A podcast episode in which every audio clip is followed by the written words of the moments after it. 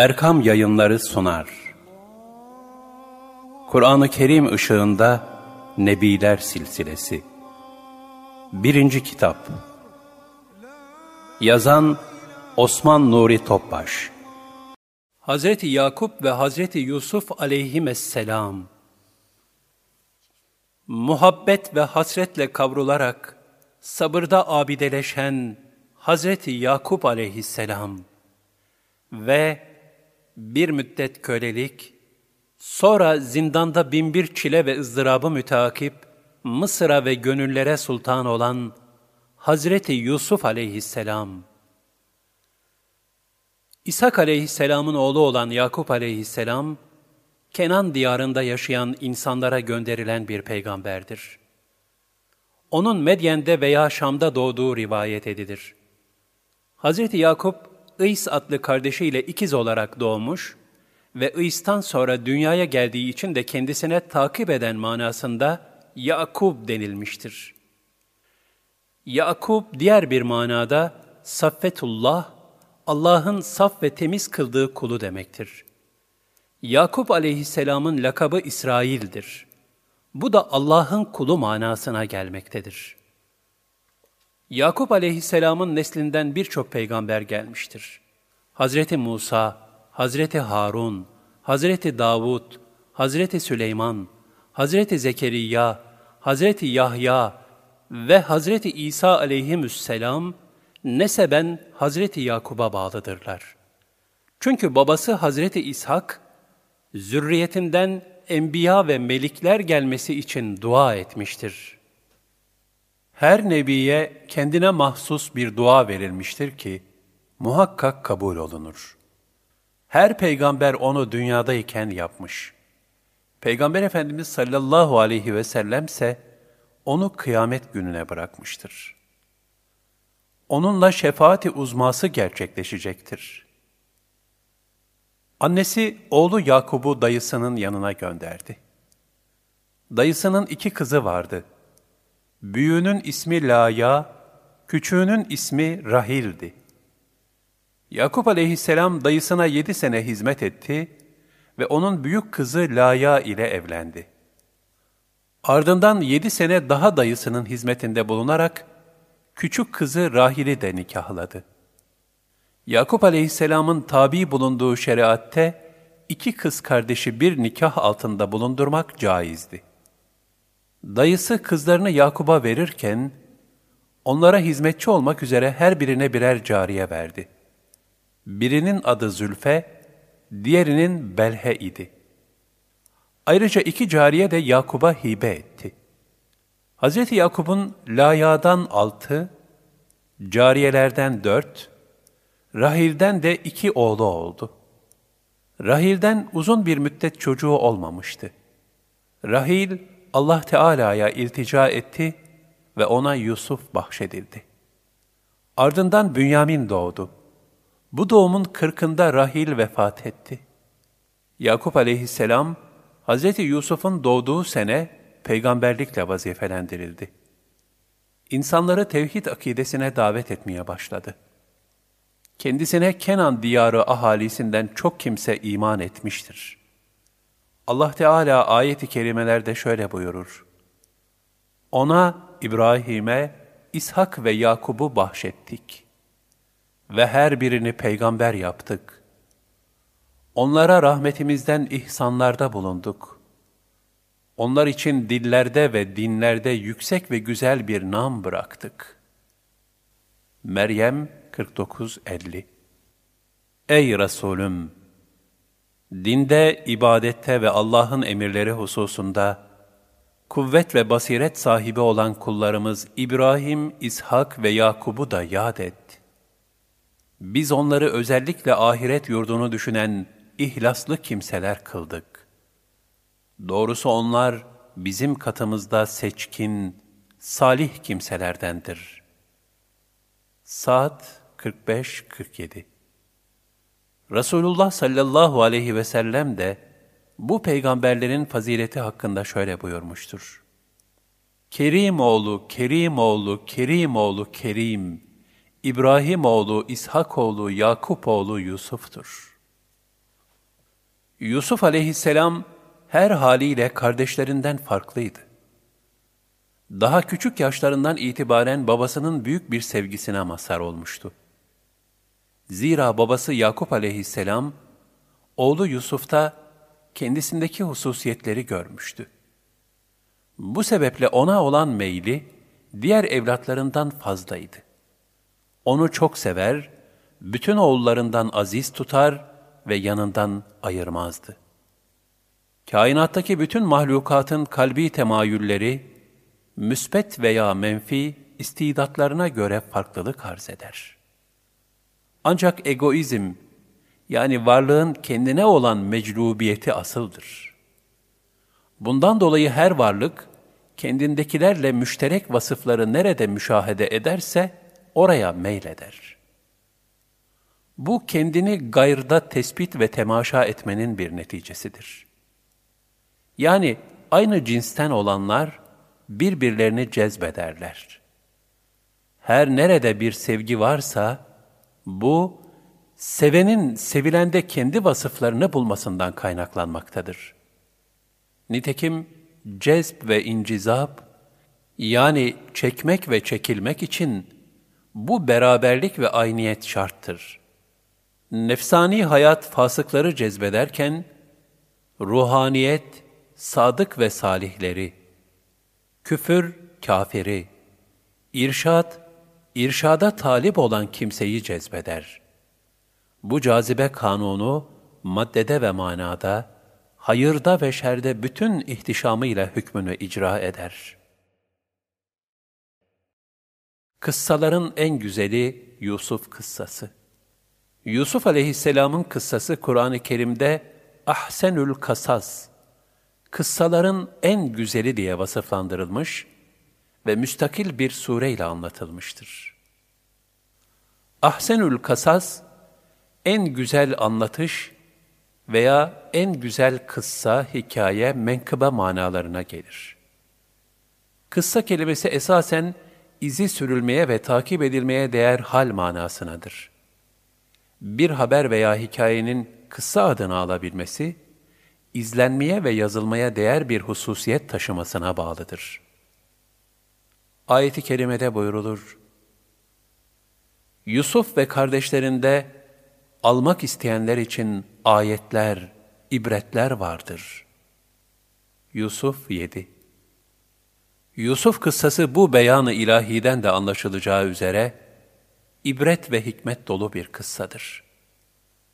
Yusuf kıssası hiçbir kitapta ve eserde Kur'an-ı Kerim'deki kadar güzel ve belir bir üslupla anlatılmamıştır. Yusuf suresinin nihayetinde de açıkça ifade edildiği üzere, bu surenin gayb haberlerinden olduğu ve uydurulmuş herhangi bir söz olmadığı, aklen ve naklen iyice açıklık kazanır. Hakikaten Yusuf aleyhisselamın kıssası ihtiva ettiği hikmet ve ibretler cihetiyle, Kur'an-ı Kerim'deki en dikkat çekici kıssalardan biridir. Müfessirlerin bu kıssadaki ibret dolu safhaları hülasa sadedindeki bazı görüşleri şöyledir. 1. Yusuf aleyhisselam, küçük yaşta başlayan çeşit çeşit bela ve musibetlere karşı büyük bir sabır göstermiştir. 2. Kardeşlerinin yaptığı onca eziyet ve kötülüğe, hatta kendisini öldürmeye kast etmelerine rağmen, Yusuf aleyhisselam onlarla karşılaştığında dasıtani bir af ve müsamaha örneği sergilemiştir. 3. Bu kıssada peygamberlerden, salihlerden, meleklerden, şeytanlardan, insanlardan, cinlerden, hayvanlardan, hükümdarlardan, memleketlerden, tacirlerden, alimlerden, cahillerden, erkeklerden, kadınlardan, kadınların çeşitli hile ve tuzaklarından bahsedilmektedir. 4. Bu kıssada tevhidten, fıkıhtan, siyerden, rüya tabirinden, siyasetten, muaşeretten, din ve dünyanın salahı için gerekli olan pek çok hususlardan bahsedilmektedir. 5. Çile, bela, musibet ve imtihanlarla dolu bir hayat macerasının sonunda kavuşulan sonsuz saadet anlatılmaktadır. Nitekim Yusuf aleyhisselam 30 yaşında Mısır'a melik oldu. Yusuf aleyhisselamın duası hürmetine Züleyha yeniden gençlik ve güzelliğine kavuştu ve onunla evlendi. Yakup aleyhisselamın Yusuf'un hasretiyle ağlamaktan kör olan gözleri yeniden kendisine verildi. Yakup aleyhisselam en çok sevdiği evladına, Bünyamin de ana baba bir kardeşi Yusuf'a kavuştu. Yusuf aleyhisselam kendisini öldürmek isteyen kardeşlerini affetti, onlar da tövbe ederek salihlerden oldular. Yakup aleyhisselam ve ailesi Kenan diyarından Mısır'a hicret etti. Yusuf aleyhisselamın küçükken gördüğü rüya tahakkuk etti. Mısır meliki Reyyan bin Velid, bütün devlet işlerini Yusuf aleyhisselama bıraktı ve ona iman ederek Müslüman oldu. 7. Yusuf aleyhisselam o zamana kadar hiç kimsenin yapmadığı en güzel duayı yaptı. Şüphe yok ki en güzel kıssalar hayatın içinden ve yaşanmış hadiselerdir. Yani bir kıssa gerçek bir hadisenin ebedi güzelliklere delalet eden bedii nüktelerle tasvir edilmesi ve belir bir şekilde anlatılması nispetinde güzelleşir. Zira gerçek güzellik daima hayallerin ötesindedir. Ve ancak mutlak güzellikten bir misal aksettirdiği nispette ehemmiyet taşır. Yusuf kıssası, Muhammedi güzelliğe kamil manada bir başlangıç remzi olarak nazil olmuş, gaybi bir hakikattir. Bilhassa bu hususiyetinden dolayı ahsenül kasas, yani kıssaların en güzelidir. Ubey bin Kâb radıyallahu anh'ın rivayetine göre Resulullah sallallahu aleyhi ve sellem şöyle buyurdular. Kölelerinize Yusuf suresini öğretiniz. Zira herhangi bir Müslüman onu yazıp ehline ve kendi kölesine öğretirse, Allah Teala onun sekerat-ı mevtini, ölüm anındaki sarhoşluk halini ve sıkıntılarını kolaylaştırır. Hiçbir Müslümana haset etmeye de mecal bulamaz. Yusuf aleyhisselam, kardeşlerinin hasedine maruz kalmış, kuyuya atılmış ve zindana düşmek gibi musibetlere uğramıştı. Takvası neticesinde Cenab-ı Hak, Yusuf aleyhisselama Cebrail aleyhisselamı gönderdi. Birçok lütuflarda bulunarak onu teselli etti. Belalara karşı tahammül gücü verdi. Sonra da kuvvet, izzet ve saltanat bahşetti. Böylece Yusuf aleyhisselam birçok eza ve cefaya maruz kalması sebebiyle saltanat yıllarında yardıma muhtaç, zayıf, fakir ve gariplere daha fazla merhametli davrandı. Bilinmelidir ki kim Yusuf suresini okumaya, ondaki deruni manaları düşünmeye devam ederse, Hz. Yusuf aleyhisselamın nail olduğu sürurdan nasipdar olur. Sure-i Yusuf, sayıya gelmeyecek kadar hikmet ve ibretlerle doludur.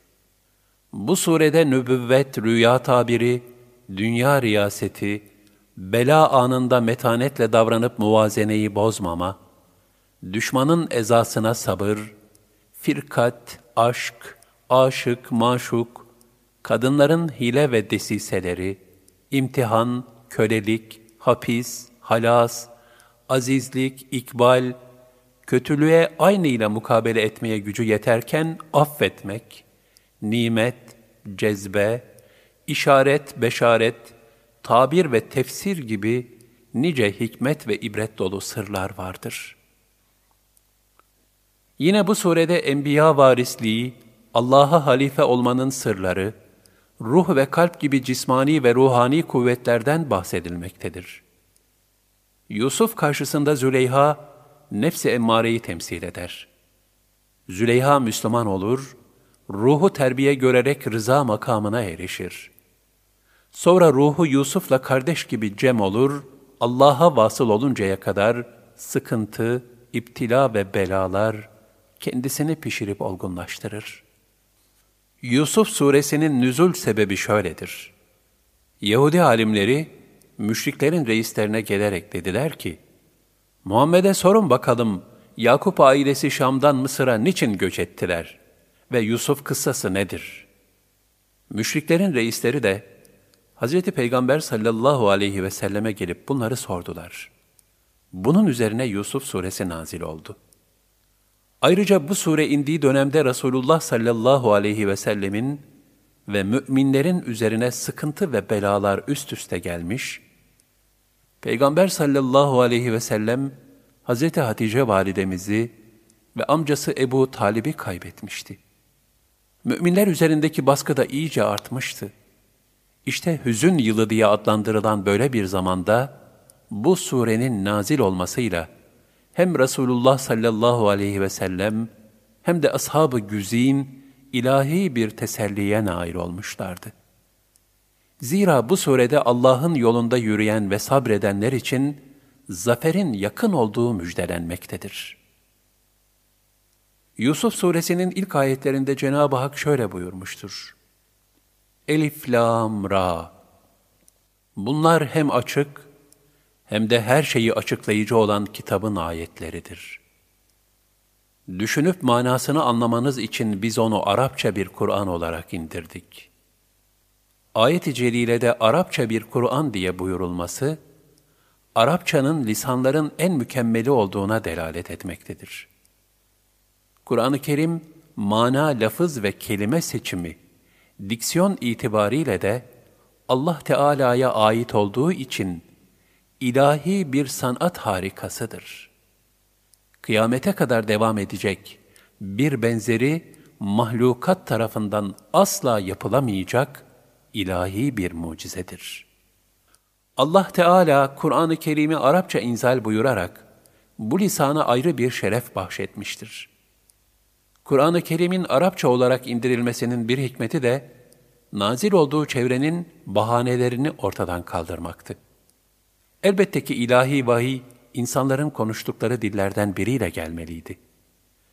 Zira cihan şumul de olsa, her hareketin ilk çekirdeğinin mutlaka bir yerde ve bir şekilde teşekkül etmesi icap eder. Yine ayet-i kerimede buyurulur. Resulüm, biz bu Kur'an'ı sana vahyetmekle, geçmiş ümmetlerin bir takım haberlerini en güzel şekilde beyan ediyoruz şu bir gerçek ki, daha önce senin bundan hiç haberin yoktu. Bu sure, Resulullah sallallahu aleyhi ve selleme kıssa olarak nazil olan ilk suredir. Lafız bakımından veciz, mana yönünden de çok derin ve zengindir. Bu surede ibret alanlar için pek çok güzel hikmetler, incelikler ve nükteler bulunmaktadır. Yusuf aleyhisselam, Hazreti Yakub'un evlatlarının en güzeliydi. Nesep cihetinden de aynı şekilde güzeldi.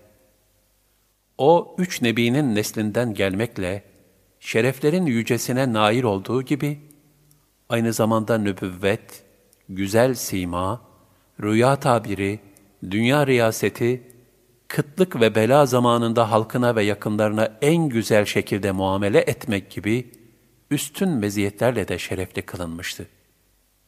Bu ne yüce ve ne güzel bir kerimlikti. Onun duası da duaların en güzeliydi. Tevaffeni muslimen ve elhikni bis salihin.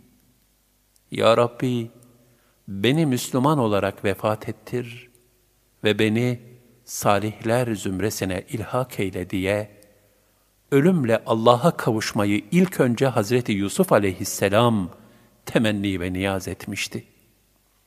Ayrıca bu surede Yusuf aleyhisselam, kalbi, Yakup aleyhisselam ruhu, Rahil cesedi, Yusuf'un on bir kardeşi de nefsani hisleri temsil etmektedir. Kur'an-ı Kerim'in beyanında bunun gibi daha nice eşsiz mana enginlikleri vardır. Tabii ki bunları layıkıyla görebilmek basiret işidir. Hazreti Yusuf'un rüyası Ayet-i kerimede buyurulur. Bir zamanlar Yusuf babasına demişti ki, babacığım, gerçekten ben rüyamda on bir yıldızla güneş ve ayı bana secde ederlerken gördüm. Yusuf aleyhisselamın rüyasında gördüğü on bir yıldız kardeşleri. Güneş, babası Yakup aleyhisselam ve ay da teyzesi Laya'dır. Zira annesi Rahil vefat etmişti. Yusuf aleyhisselamın kardeşlerini yıldız suretinde görmesinin hikmeti, kardeşlikte insanın hayat akışına yön veren mühim müessirlerin bulunmasıdır. Güneş ve ayın yıldızlardan sonra zikredilmesi ise, Yusuf aleyhisselamın babası ve teyzesiyle kardeşlerinden sonra buluşacağına işaret etmektedir. Yusuf aleyhisselam bu rüyayı gördüğünde yedi yaşında bulunuyordu. Bir Yahudi Resulullah sallallahu aleyhi ve selleme geldi ve sordu. Ya Muhammed bana haber ver. Yusuf'un gördüğü yıldızlar hangileridir? Resulullah sallallahu aleyhi ve sellem bir an sükut buyurdular. Cebrail aleyhisselam geldi ve yıldızların isimlerini kendisine bildirdi. Hz. Peygamber sallallahu aleyhi ve sellem Efendimiz Yahudi'ye dönüp, eğer sana haber verirsem Müslüman olur musun dedi. Yahudi de evet dedi. Bunun üzerine Resulullah sallallahu aleyhi ve sellem, bunlar Cereyan, Tarık, Zeyyal, Kabiz, Amudan, Felik, Misbah, Daruh, Fera, Vesab, Zal Kefiteyn'dir. Yusuf rüyasında bu yıldızların güneşin ve ayın semadan inerek kendisine secde ettiklerini görmüştü buyurdular. Yahudi dedi ki, Vallahi söylediğin isimler doğru isimlerdir. Rüya üç kısımdır. Bir, hadisün nefs. Kişi rüyasında kendi işini ve sanatını görür. Yahut aşık maşukunu görür. Bunlar insanın hayalinin bir neticesidir. İki, şeytanın korkutması. Ruhu sıkıntıya düşüren karışık ve kargaşa içindeki rüyalardır, aslı yoktur. 3. Allah'tan gelen tebşirat. Rüya meleği kişiye ümbül kitaptan bir nüsha getirerek, levh-i mahfuzdan eserler gösterir. Bu rüya sahihtir. Rüyayı salihadır. Bunlara sadık rüya da denir. Bunların haricinde kalanlarsa, karışık rüyalardır. Sadık rüyalar, levh-i mahfuzdan istikbale akseden pırıltılardır. Allah Resulü sallallahu aleyhi ve sellem, zaman yaklaştıkça, müminin rüyası neredeyse hiç yalan çıkmaz. Gördüğü gibi gerçekleşir. Müminin sadık rüyası, nübüvvetin 46 cüzünden biridir. Nübüvvetten olan bir şeyse yalan olmaz.'' buyurmuştur. Ayet-i kerimede şöyle buyurulur. Babası Yakup aleyhisselam dedi ki, Yavrucuğum, rüyanı sakın kardeşlerine anlatma. Sonra onlar sana hasetlerinden dolayı bir tuzak kurarlar. Çünkü şeytan, insanın apaçık bir düşmanıdır. İşte böylece rüyada gördüğün gibi Rabbin seni seçecek sana rüyada görülen hadiselerin tabirine dair ilim verilecek. Daha önce iki atan İbrahim ve İshak'a nimetini tamamladığı gibi, sana ve Yakup soyuna da nimetini tamamlayacaktır. Şüphesiz ki Rabbin her şeyi çok iyi bilendir. Tam bir hüküm ve hikmet sahibidir. Yusuf 5-6 Yusuf aleyhisselam, uyanıp rüyasını babasına anlatınca, babası onun dünya ve ukbada büyük bir şeref ve yüksek bir makama ereceğini anladı. Rüyasını gizleyip kardeşlerine anlatmamasını sıkı sıkı tembih etti. Aksi takdirde kardeşlerinin kendisini kıskanıp tuzak kurabileceklerini söyledi. Demek ki haset etmemek kadar hasede maruz kalmaktan da sakınmak icap eder.'' Nitekim Allah Resulü sallallahu aleyhi ve sellem Efendimiz de bu hususta şöyle buyurmuşlardır. İhtiyaçlarınızı elde etmede gizlilikten istifade edin.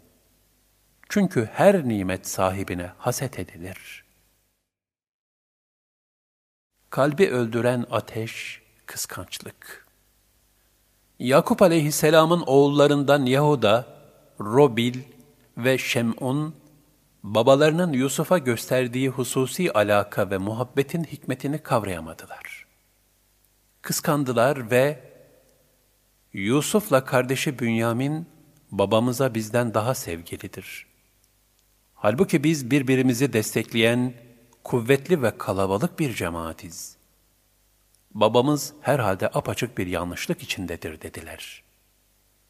Yine aralarında Yusuf'u öldürün yahut onu uzak bir yere atın ki babanızın teveccühü yalnız size kalsın.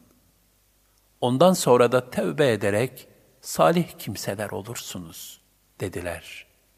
Yusuf 8-9 Hz. Yakup rüyadan sonra Yusuf'un peygamberliğe varis olacağını anlamış, bu yüzden de ona karşı muhabbeti daha da ziyadeleşmişti. Ancak bu durumu sezen kardeşlerinin hasedi de gün geçtikçe arttı. Öyle ki bu haset, Yusuf'a tuzak kurmalarına sebep oldu. Yani Yakup aleyhisselam sevgide ileri gitmiş, iptilalar da o nispette ağırlık kazanmıştı. Çünkü Cenab-ı Hak, Cami'ül Ezdad, yani zıt sıfatları kendisinde cem edendir. Onun Er-Rakib, yani devamlı murakabe altında tutan ve daima üstün olan manasında bir ismi ilahisi vardır. Bunun için fazla muhabbet firak getirir. Zira Allah'a muhabbet ortak kabul etmez. Gerçekten Yakup aleyhisselam, oğlu Yusuf'un alnındaki nübüvvet nurunu görmüş, bunun için ona daha fazla ihtimam göstermişti. İşte babalarının bu hususi meyli ve muhabbeti, Yusuf'un diğer kardeşlerinin hasetlerine sebep oldu. Gün geldi bu haset bardağı iyice taştı ve kardeşleri Yusuf için kötü planlar yaptılar. Ayetten ibret alınacak en mühim nokta, sevginin kıskançlığa sebep olmaması için gönülde saklı tutulmasının lüzumudur. Sevginin sessizlikte ve derunda olması gerekir. Kalp Allah yoluna temayül ettirilmez ve zikirle temizliğe tabi tutulmazsa kararır, kötülüğü emreder hale gelir. Ayet-i kerimede buyurulur. İyi bilin ki gönüller ancak Allah'ın zikriyle huzur bulur. Er-Ra'd 28 Zikir, Allah'ı idrak etmenin kalpte şuur haline gelmesidir. Ancak böyle hakiki zikir sayesinde kalp masiyetten kurtulabilir. Kalp Beytullah'tır ve muhabbetullah'ın mekanıdır. Şayet orada zikir yoksa, bir müddet sonra nefsin arzularına ram olarak kararır ve sonunda ölür. Hz. Peygamber sallallahu aleyhi ve sellem, bir kulun kalbinde imanla haset bir araya gelmez buyurur. Diğer bir rivayette ise haset edenlerin hesaba çekilmeden cehennem ateşine atılacaklar zümresinden olduğu bildirilir. Kibir, hırs ve haset bütün günahların kaynağıdır. Hadis-i şerifte kıskançlığın vehameti hususunda şöyle buyurulur. Üç şey vardır ki bütün günahların kaynağıdır. Bunlardan muhakkak sakınınız. Bir, kibir. İblisi Adem aleyhisselama secde etmemeye sevk eden şey kibirdir. İki, hırs. Adem aleyhisselamı cennetteki yasak ağaçtan yemeye sevk eden şey de hırstır. Üç, haset. Adem aleyhisselamın iki oğlundan Kabil'in kardeşi Habil'i öldürmesine sebep olan da hasettir. Haset eden kimse, takdiri ilahiye itiraz etmiş olur. Çünkü haset, Allah'ın başkasına nasip ettiği nimetin, kendinde olmadığı gerekçesiyle, o kişiden de izalesini istemektir. Fakat gıpta böyle değildir. Zira gıptada, maddi veya manevi nimete hem kendisinin hem de başkasının sahip olmasını istemek esastır. Bu sebeple İslam'da gıpta methedilmiş fakat haset şiddetle men edilmiştir. Haset, kıskanılan kimseden ziyade haset edenin kendisine zarar verir. Bu başkasını taşlayan fakat attığı taşın geri dönmesiyle kendi gözü kör olan kimsenin hali gibidir. Kin ve öfkeden başka bir neticesi yoktur ki, sonunda kişiyi rezil ve rüsva eder. Nitekim kardeşlerinin Yusuf aleyhisselama hasetlerinden dolayı yaptıkları kötü fiiller, sonunda kendilerine dönmüştür. Cenab-ı Hak şu ayet-i kerimeyle müminleri hasetten men etmiştir. Yoksa onlar Allah'ın lütfundan verdiği şeyler için insanları kıskanıyorlar mı? En-Nisa 54 Resul-i Ekrem sallallahu aleyhi ve sellem Efendimiz de şöyle buyurmuştur. Haset etmekten sakının. Zira haset, ateşin odunu yiyip bitirdiği gibi iyilikleri yer bitirir. Yakup aleyhisselamın Yusuf'a olan aşırı muhabbeti gayretullah'a dokundu. Bu sebeple Allah Teala ona bir iptila vermeyi murad etti ve Yusuf'u babasından ayırdı. Zira evlat bazı hallerde baba için büyük bir imtihandır. Mesela Nuh aleyhisselam, kafirlerin helaki için beddua ettiği halde, müşrik olan oğlunun da suya gark olduğunu görünce sabredemeyip, Ey Rabbim, şüphesiz oğlum da ailemdendir. Hud 45 demişti. Nuh aleyhisselamın bu niyazına Cenab-ı Hak şu şekilde karşılık verdi. Ey Nuh! O kesinlikle senin ehlinden değildir. Çünkü o, salih olmayan, kötü çirkin bir amelin sahibidir. Hud 46 Sinsi Plan Kardeşleri Yusuf aleyhisselam hakkında belli bir kanaat birliğine varınca, içlerinden biri, Yusuf'u öldürmeyin. Eğer mutlaka bir şey yapacaksanız, onu bir kuyunun dibine atın da bari geçen kervanlardan biri onu alsın götürsün dedi. Yusuf 10 Bu teklifi yapan Yahuda'ydı ve bunu kardeşlerine kabul ettirmişti. Şu kardeşlerin hali ne kadar ibretlidir ki, en merhametli olanı dahi hasedi sebebiyle Yusuf'un kuyuya atılmasını tavsiye etti. Bu da gösteriyor ki, hasetleri sebebiyle dost libasına bürünmüş nice gizli düşmanlar vardır. Onlardan mümkün olduğu kadar sakınmak lazımdır. Gerçek istikamet sahibi olanlar, ancak kalbi diri olan kimselerdir. Bunun zıttı olarak zikirden uzak kalan bir kalpse, nefsin tesiri altında kalır. Şehvet ateşleriyle kurur, katılaşır, taşlaşır ve azaları ibadet edemez bir hale getirir. Bu hal üzere devam eden kalpler, kuru bir odun parçası gibi ateşte yanmaktan başka bir işe yaramaz. Bu duruma düşmekten Allah Teala'ya sığınırız. Cenab-ı Hak şöyle buyurur. Allah'ı zikretmek hususunda kalpleri katılaşmış olanlara yazıklar olsun. İşte bunlar apaçık bir sapıklık içindedirler. Ez-Zümer 22 Nihayet Yusuf'un biraderleri, yapmış oldukları sinsi planla babalarına geldiler. Dediler ki, ey babamız, sana ne oluyor da Yusuf hakkında bize güvenmiyorsun? Oysa biz onun koruyucularıyız.'' Onun iyiliğini istemekteyiz. Yarın onu bizimle beraber kıra gönder de bol bol yesin, içsin, oynasın. Biz onu mutlaka muhafaza ederiz. Yusuf 11-12 Bela ağızdan çıkan söze bağlıdır. Babaları, onu götürmeniz beni hakikaten üzer ve siz farkında olmadan onu bir kurdun yemesinden korkarım dedi.''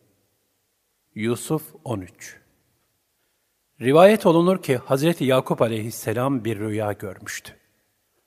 Kendisi bir dağın başında, oğlu Yusuf da sahradaydı.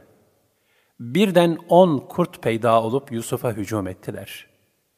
Yusuf aralarında kayboldu. Yakup aleyhisselam bu sebeple oğullarına Yusuf için onu kurt yemesinden korkarım diyerek tedirginliğini ifade etmişti. Fakat böylece farkında olmadan, kardeşlerinin Yusuf'a yapacağı hile hususunda onlara adeta bir usul terkin etmiş oldu. Hadis-i şeriflerde buyurulur. Bela ağızdan çıkan söze bağlıdır. Nefsim bana öyle şeyler söylüyor ki, onları söylerim de söylediklerimle müptela kılınırım korkusuyla söylemiyorum. İnsan hasmına aleyhinde olacak hususlarda ipucu vermemelidir. Yusuf'un kardeşleri o ana kadar böyle bir plan kurmamışlardı. Babalarının verdiği ipucu üzerine yine gizlice bir plan yaptılar. Dili kesilerek öldürülen İbn-i Sıkkit şöyle demiştir. İnsanın dilinin sürçmesiyle uğrayacağı musibet, ayağının sürçmesiyle uğrayacağı musibetten çok daha büyük olabilir. Zira insanın ayağının sürçmesinden hasıl olan yara zamanla iyileşir. Halbuki ağızdan çıkan söz, insanın başını bile götürebilir. Yakup aleyhisselam gördüğü rüyaya rağmen, acz içinde kalarak Yusuf'u biraderlerine teslim etti. Şu ifade bu haline güzel anlatır. Kaza ve takdir gelince basiret görmez olur. Şu yanlışı asla yapmam diyen bir kul, şeytana açık bir kapı bırakmış olur ki, şeytan her işini bırakarak ona musallat olur ve yapmam dediği şeyi kendisine yaptırıncaya kadar onun peşini bırakmaz. Bu bakımdan asla büyük konuşmamak ve daima hakka sığınmak lazımdır. Yusuf'un biraderleri babalarına ve kardeşlerine hürmette kusur eden kimselerdi. Dolayısıyla kurdukları hileyi gerçekleştirebilmek için babalarının ikaz ve ihtarını geçiştiriverdiler. Onlar, vallahi biz böylesine güçlü bir grup iken, onu kurt kapar da yerse, o zaman biz hüsrana uğrayanlardan oluruz. Yazıklar olsun bize dediler. Yusuf 14 Kardeşlerinin ihaneti Derken kardeşleri onu alıp götürünce, ve kuyunun dibine bırakma konusunda görüş birliğine vardıklarında, biz de Yusuf'a şöyle vahyettik. Zamanı gelecek, onların hiç hatırlarına gelmediği bir sırada, yaptıkları bu işi kendilerine hatırlatacaksın. Yusuf 15 Ayette geçen, biz de Yusuf'a şöyle vahyettik ifadesinden hareketle müfessirlerin birçoğu, Hz. Yusuf aleyhisselama daha o zaman peygamberlik verildiğini beyan ederler. Yakup aleyhisselam, oğullarının kardeşleri Yusuf'u sahraya götürmek üzere ısrar etmeleri ve Yusuf'un da buna istekli olması üzerine kazaya rıza göstererek izin verdi. Kardeşleri babalarının müsterih olması için gözden kayboluncaya kadar Yusuf'u omuzlarında götürdüler.'' Babalarının gözünden kaybolduklarında ise verdikleri sözü terk ettiler. Yusuf'u hışımla yere attılar ve dediler ki, Ey yalancı rüya sahibi! Hani nerede sana secde ettiğini gördüğün yıldızlar? Hadi gelip de seni bizim elimizden kurtarsınlar. Ardından da Yusuf aleyhisselamı dövmeye ve eziyet etmeye başladılar. Yusuf hangi kardeşine iltica etse, daha fazla eziyet görüyor, azarlanıyor ve dövülüyordu. Bu durum karşısında çaresiz ağlamaya başladı ve ''Ey babacığım, sana verdikleri sözü ve senin onlara verdiğin nasihati ne çabuk unuttular. Yaptıklarını bir görsen, oğluna edilen eziyetler bir köle evladına dahi reva görülmez.'' dedi. Rivayete göre Robil, Yusuf'u kaldırıp yere çarptı. Sonra da göğsüne hızlıca oturarak onu öldürmeye teşebbüs etti.'' Kardeşi Levi de boynunu kırmak istedi. Yusuf, kardeşlerinin en merhametlisi olan Yahuda'ya yalvardı. Ey Yahuda! Allah'tan kork da beni öldürmek isteyenlere mani ol dedi. Yahuda merhamete gelip, onu öldürmeyiniz. Bu hususta bana söz vermemiş miydiniz dedi. Onlar da evet dediler. Bunun üzerine Yahuda, öldürmekten daha hayırlısını size söyleyeyim mi? Onu kuyuya atın dedi. Hz. Yusuf'un kuyuya atılması Diğerleri de Yahuda'nın teklifine peki deyince, el birliği edip onu kuyuya atmak üzere sözleştiler. Bu kuyu Ürdün civarında olup, Ad kavminin zalim hükümdarlarından Şeddat, onu Ürdün'ün imarı sırasında kazdırmıştı. Kuyunun ağzı dar, dibi genişti. Nihayet kuyunun başına geldiler. Yusuf kardeşlerinin elbiselerine yapışıp ağlıyor fakat itilip kakılıyordu. Yusuf'u kuyunun yarısına kadar sarkıttılar. Bir de hiçbir yere tutunamasın diye ellerini bağladılar, gömleğini soydular. Babalarını ikna etmek için de bir koyun kesip, kanını gömleğe bulaştırmaya karar verdiler. Gömleğini soyan kardeşlerine Yusuf, ''Ey kardeşlerim, gömleğimi verin, ölürsem bana kefen olur, sağ kalırsam libasım olur.'' dediyse de onu geri vermediler.'' Nihayet Yusuf'u kuyunun yarısına kadar sarkıttıktan sonra düşüp ölsün diye ipi kestiler. Kuyuda su vardı. Yusuf kuyunun kenarındaki bir taşın üzerine çıktı. Ayağa kalkarak belki kardeşlerim merhamete gelip beni buradan çıkarırlar ümidiyle nida etti. Ancak kardeşleri ölmemiş diye taş atmak istediler. Yine Yehuda mani oldu.'' Kardeşleri Yusuf'u kuyuya sarkıttıklarında Allah Teala Cibril'e nida etti. Kuluma yetiş. Cebrail aleyhisselam derhal emri yerine getirerek Yusuf'u tutup kuyuda bir taşın üzerine oturttu. Ona cennet yemeğinden yedirip içirdi. Ardından İbrahim aleyhisselamın gömleğini giydirdi. Hasan-ı Basri Kuddisesi ruh der ki, Yusuf kuyuya atıldığında 12 yaşındaydı. Babası Yakup ona 40 sene sonra kavuştu. Kuyu çok korkunçtu. İçinde yılanlar, akrepler ve sair haşerat vardı. Hepsine de yerlerinden dışarı çıkmamaları emredildi. Yusuf aleyhisselam kuyuya atılınca Allah Teala'ya şöyle iltica etti. Ey gaib olmayan şahit! Ey uzak olmayan yakın! Ey mağlup olmayan galip! İçinde bulunduğum sıkıntıdan beni ferahlığa çıkar. Bana bir kurtuluş kapısı aç. Rivayete göre Yusuf aleyhisselam kuyuda üç gün kaldı. Bir saat kaldığı rivayeti de vardır. Cebrail aleyhisselam da kuyuda Yusuf'a şu duayı öğretmişti. Ey her türlü sıkıntıyı kaldıran, Ey her duaya icabet eden, ey her türlü kırıkları saran, ey her türlü zorluğu kolaylaştıran, ey her kimsesizin sahibi ve her yalnızın munisi olan Allah'ım, ey kendinden başka ilah olmayan Rabbim, seni tenzih ederim. İçinde bulunduğum şu sıkıntıdan bir ferahlık, bu beladan bir kurtuluş kapısı açmanı senden dilerim. İlahi, muhabbetini kalbime öyle bir yerleştir ki, ondan sonra hiçbir tasam kalmasın. Orada senden gayrısının zikri bulunmasın. Ey Rabbim beni muhafaza et. Ya Erhamer Rahimin. Yusuf aleyhisselam kuyuya atılınca Allah'ı zikretmeye başladı. Melekler onun sesini işitince Allah Teala'dan bu güzel sesi dinlemek üzere izin istediler. Allah Celle Celaluhu da meleklere, siz daha önce, Ya Rabbi, biz seni hamdinle tesbih edip dururken, bir de yeryüzünde kan dökerek fesat çıkaracak kimseleri mi yaratacaksın, dememiş miydiniz buyurdu. Meleklerin daha önce söyledikleri bu sözü hatırlattıktan sonra onlara izin verdi.'' Ruh ve kalp ruhaniyet alemine meylederler. Nefse ait kuvvet ve hislerse hayvaniyet alemine meyleder.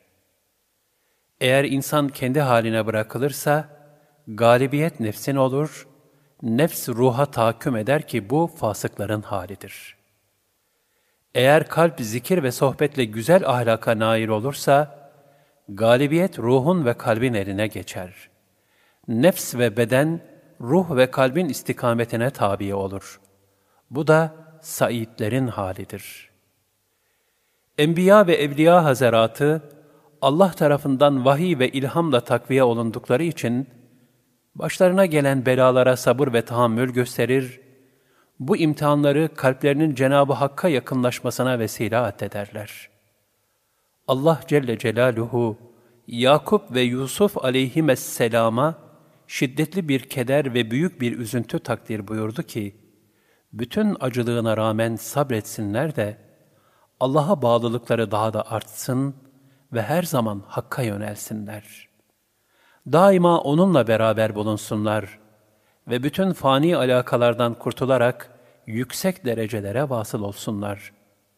Çünkü öyle dereceler vardır ki, onlara ancak mihnet ve meşakkatlere tahammül etmek suretiyle vasıl olunabilir.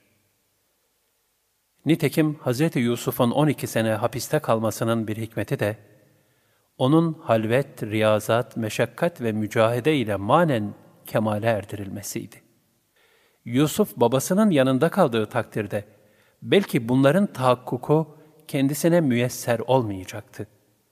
İşte bu hikmet dolayısıyladır ki, Nebiler muayyen bir zaman için kendi vatanlarından uzakta bir garip olarak yaşamışlardır.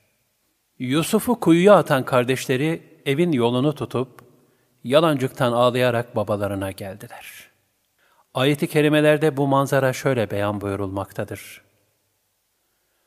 Akşamleyin ağlayarak babalarının yanına dönüp dediler ki, Sevgili babamız, biz yarışmak üzere bulunduğumuz yerden ayrılırken, Yusuf'u da eşyalarımızın yanında bıraktık. Bir de döndük ki onu kurt yemiş. Her ne kadar doğru söylüyorsak da sen bize inanacak değilsin. Yusuf 16-17 Rivayete nazaran, kocasıyla kavga eden bir kadın ağlayarak gelip Kadı Şurayh'a müracaat etmişti. Bu esnada orada bulunan Şabi ona dedi ki, Ya Eba Ümeyye, bu kadının mazlum olduğunu zannediyorum. Görmüyor musun nasıl ağlıyor? Bunun üzerine Kadı Şureyh dedi ki, Ey Şabi, Yusuf'un kardeşleri de zalim oldukları halde ağlayarak babalarının yanına gelmişlerdi. Bu ağlamalara bakarak hüküm vermek doğru olmaz. Ancak meydana gelen hadisenin açık hakikatine bakarak hükmetmek gerekir. Nitekim Yusuf'un kardeşleri, yalandan döktükleri gözyaşlarına ilaveten, Yusuf'un gömleğine sahte kan bulaştırarak gelmişlerdi. Babaları Yakup, hayır, nefisleriniz sizi aldatıp bu işe sevk etmiş. Artık bana düşen, ümit var olarak güzelce sabretmektir. Sizin bu anlattıklarınız karşısında Allah'tan başka yardım edebilecek hiç kimse olamaz dedi. Yusuf 18 Rivayete göre Yusuf'un kana bulanmış olan gömleği Yakup aleyhisselama getirilince, onu yüzüne sürüp ağlamaya başladı ve bugüne kadar böyle yumuşak huylu bir kurt görmedim. Oğlumu yemiş de sırtındaki gömleği yırtmamış dedi. Sabrı Cemil Yakup aleyhisselamın oğlu Yusuf için ettiği içli feryadı dillere destan olmuştur. Bunu Yunus Emre'miz şöyle dile getirir. Ben bir Yakup idim kendi halimde.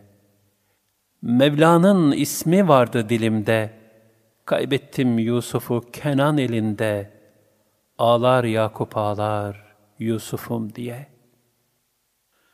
Yusuf'um götürüp alkan ettiler. Kurtlar yedi diye bühtan ettiler. Yusuf'un gömleğin bilmem nettiler. Ağlar Yakup ağlar Yusuf'um diye. Böylece gözyaşı döken Yakup aleyhisselama artık sabretmekten başka bir şey kalmamıştı.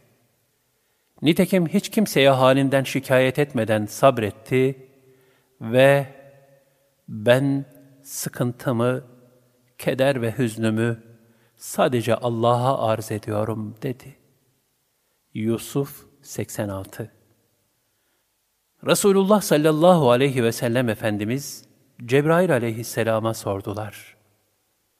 Yakup'un Yusuf'a olan hicranı ne dereceye varmıştı? Cebrail aleyhisselam da evladını kaybeden yetmiş annenin toplam hicranına cevabını verdi. Resulullah sallallahu aleyhi ve sellem Efendimiz o halde onun sevabı ne kadardır diye sordular. O da yüz şehit sevabıdır.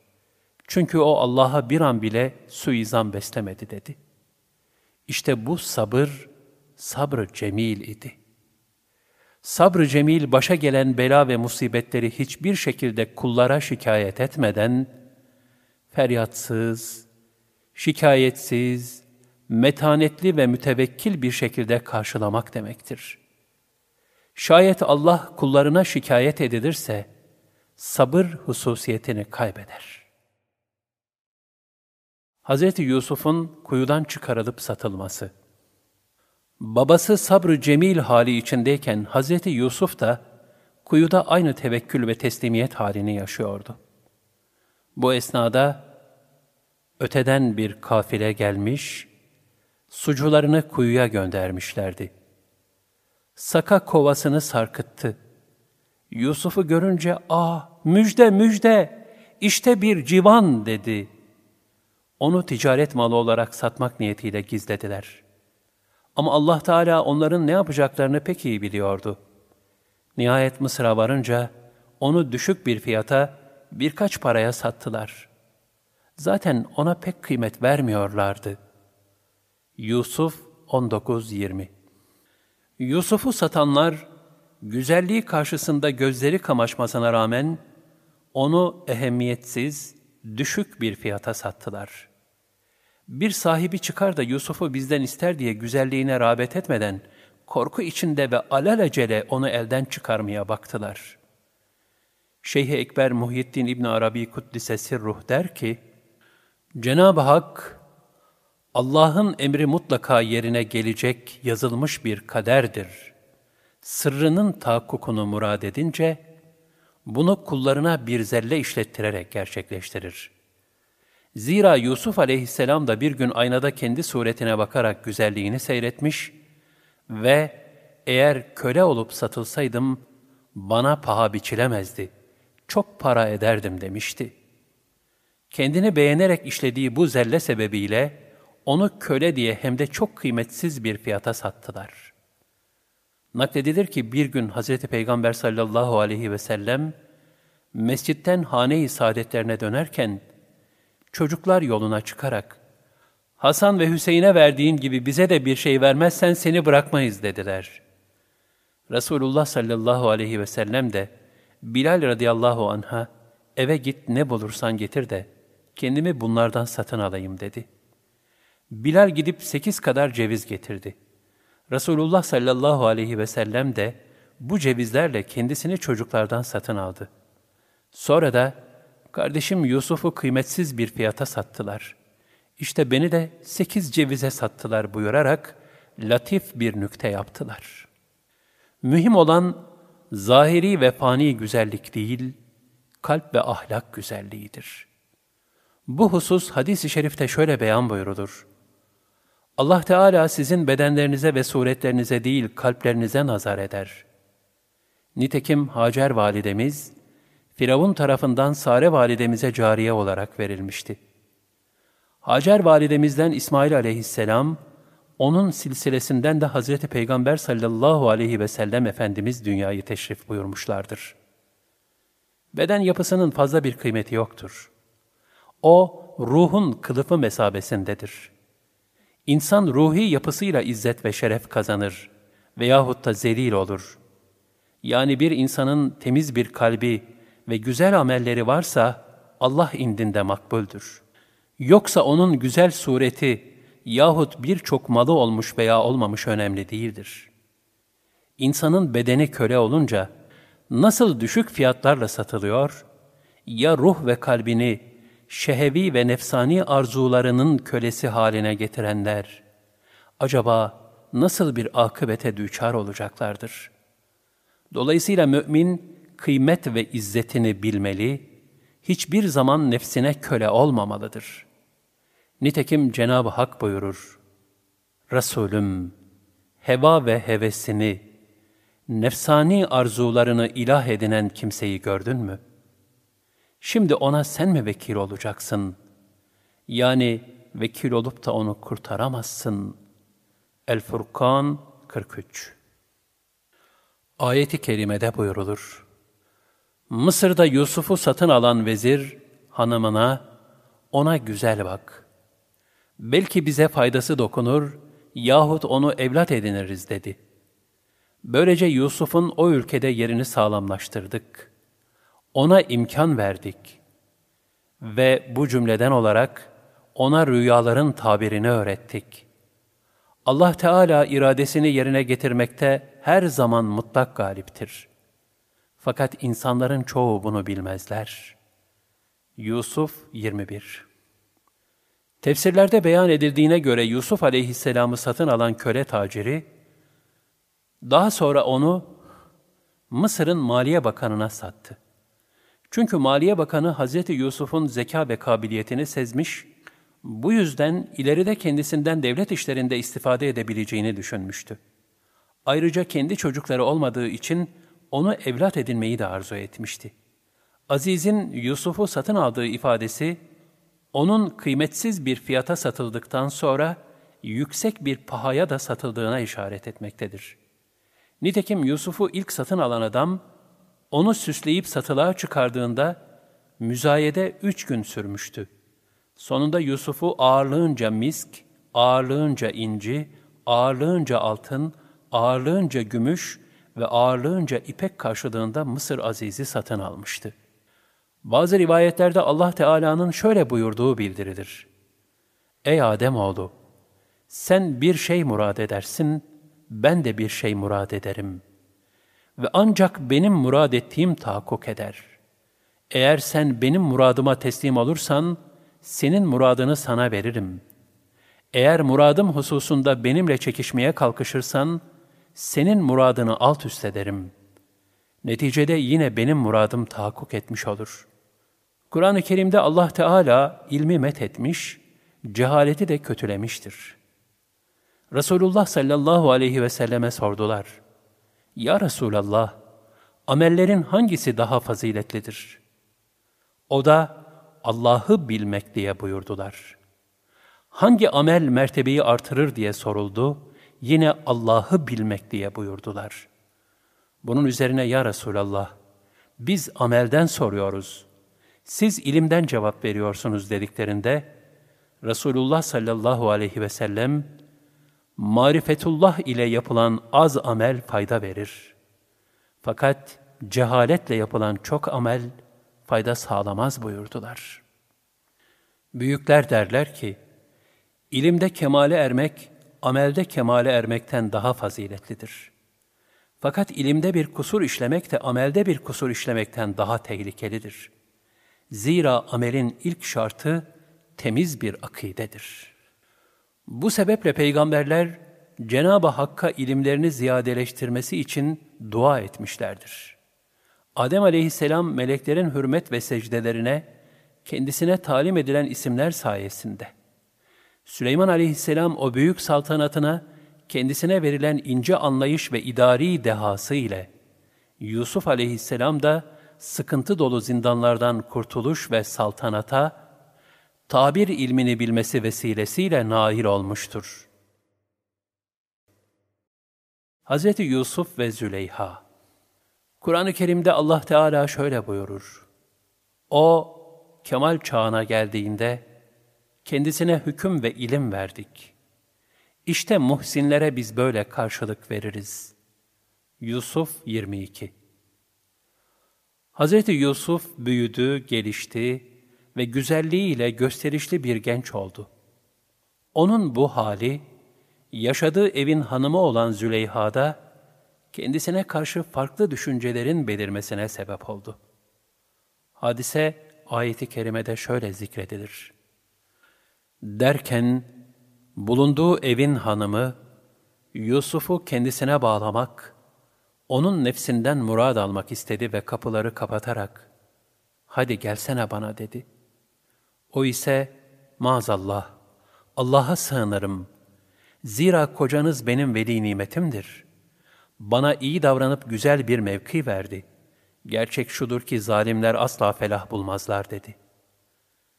Doğrusu hanım ona sahip olmayı iyice aklına koymuştu ve buna meyletmişti.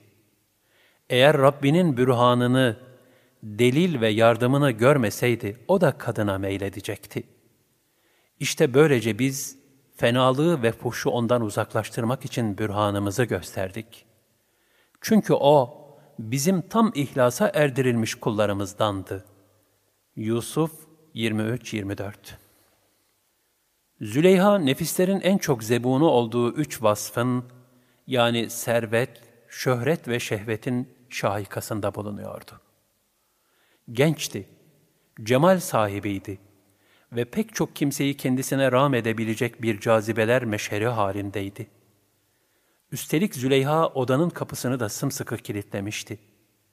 Böylece gizlilik ve tenhalığın, günahları daha da kamçılayan hengamında Hazreti Yusuf'a şiddetli bir arzuyla, ''Hey telek!'' yani ''Gelsene bana'' diye seslenerek çirkin bir fiile teşebbüs etmişti. Mukavemet göstermekte nice iradeleri eritebilecek böyle bir manzara karşısında Yusuf aleyhisselamın bile hayli güç bir vaziyette kaldığını Yüce Rabbimiz, şayet bürhanımız yetişmeseydi, o da meylediyordu beyanıyla ifade buyurmaktadır. Zira bir erkeğin hayatı boyunca karşılaşabileceği en ağır imtihanlardan biri, gençlik, güzellik, servet gibi her türlü cazibe unsuruna sahip bir kadından, üstelik tenhalıkta gelen nefsani bir davet ve iltifata hayır diyebilmektir. İşte Yusuf aleyhisselam, önüne serilen bunca dehşetli cazibelere aldanmamak için maazallah diyerek, manevi bir zırha büründü, tam bir ihlas ve yüksek bir takva duygusuyla Allah'a sığındı. Böylece ayeti kerimede bildirilen bürhanla ilahi sıyanet ve muhafazaya mazhar oldu. Bu yüzden insanoğlunu günahlara sürükleyen bütün dünyevi cazibelerin hey tellek yani gelsene bana diyen davetlerine mukavemet gösterebilmenin yegane yolu o anda kalben maazallah diyerek sonsuz kudret sahibi olan Allah'a sığınabilmektir. Bazı tefsirlerde ayet-i kerimedeki bürhan ifadesiyle alakalı olarak şunlar nakledilmektedir. Yusuf aleyhisselam sakın sakın sesini işittiği zaman o sese aldırış etmedi. Fakat sesin üç kere tekrarından sonra o mahalde Hazreti Yakup aleyhisselam temessül etti. Bundan sonra Yusuf aleyhisselam kendine gelip Züleyha'dan hemen yüz çevirdi. Allah'ın izniyle Yakup aleyhisselam oğlu Yusuf'a manevi yardımda istianede bulunmuş, nefsi emmareyi temsil eden Züleyha'ya meyletmesine mani olmuştu. Ayette anlatılan bu hadise, istiane, istigase, manevi yardım ve rabıtaya bir misaldir. Ali bin Hasan bir rivayetinde der ki, Züleyha'nın hazırladığı odada bir putu vardı. Yusuf'u nefsine davet etmeden önce onun üzerine bir libasla örttü. Bunu gören Yusuf sordu, niye böyle yaptın?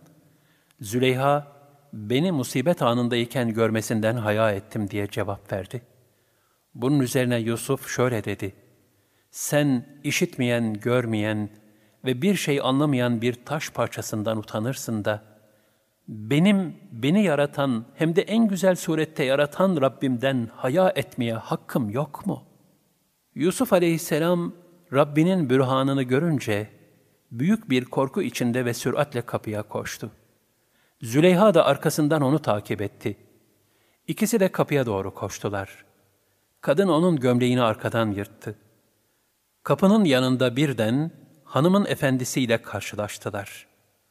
Kadın hemen zevcene kötülük etmek isteyenin cezası zindana atılmaktan yahut acıklı bir azaptan başka ne olabilir dedi.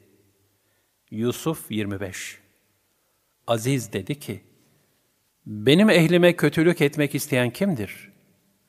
Züleyha işlediği cürme ikincisini ekledi. Hazreti Yusuf'a iftira ederek, bu delikanlı nefsimden murad almak istedi dedi.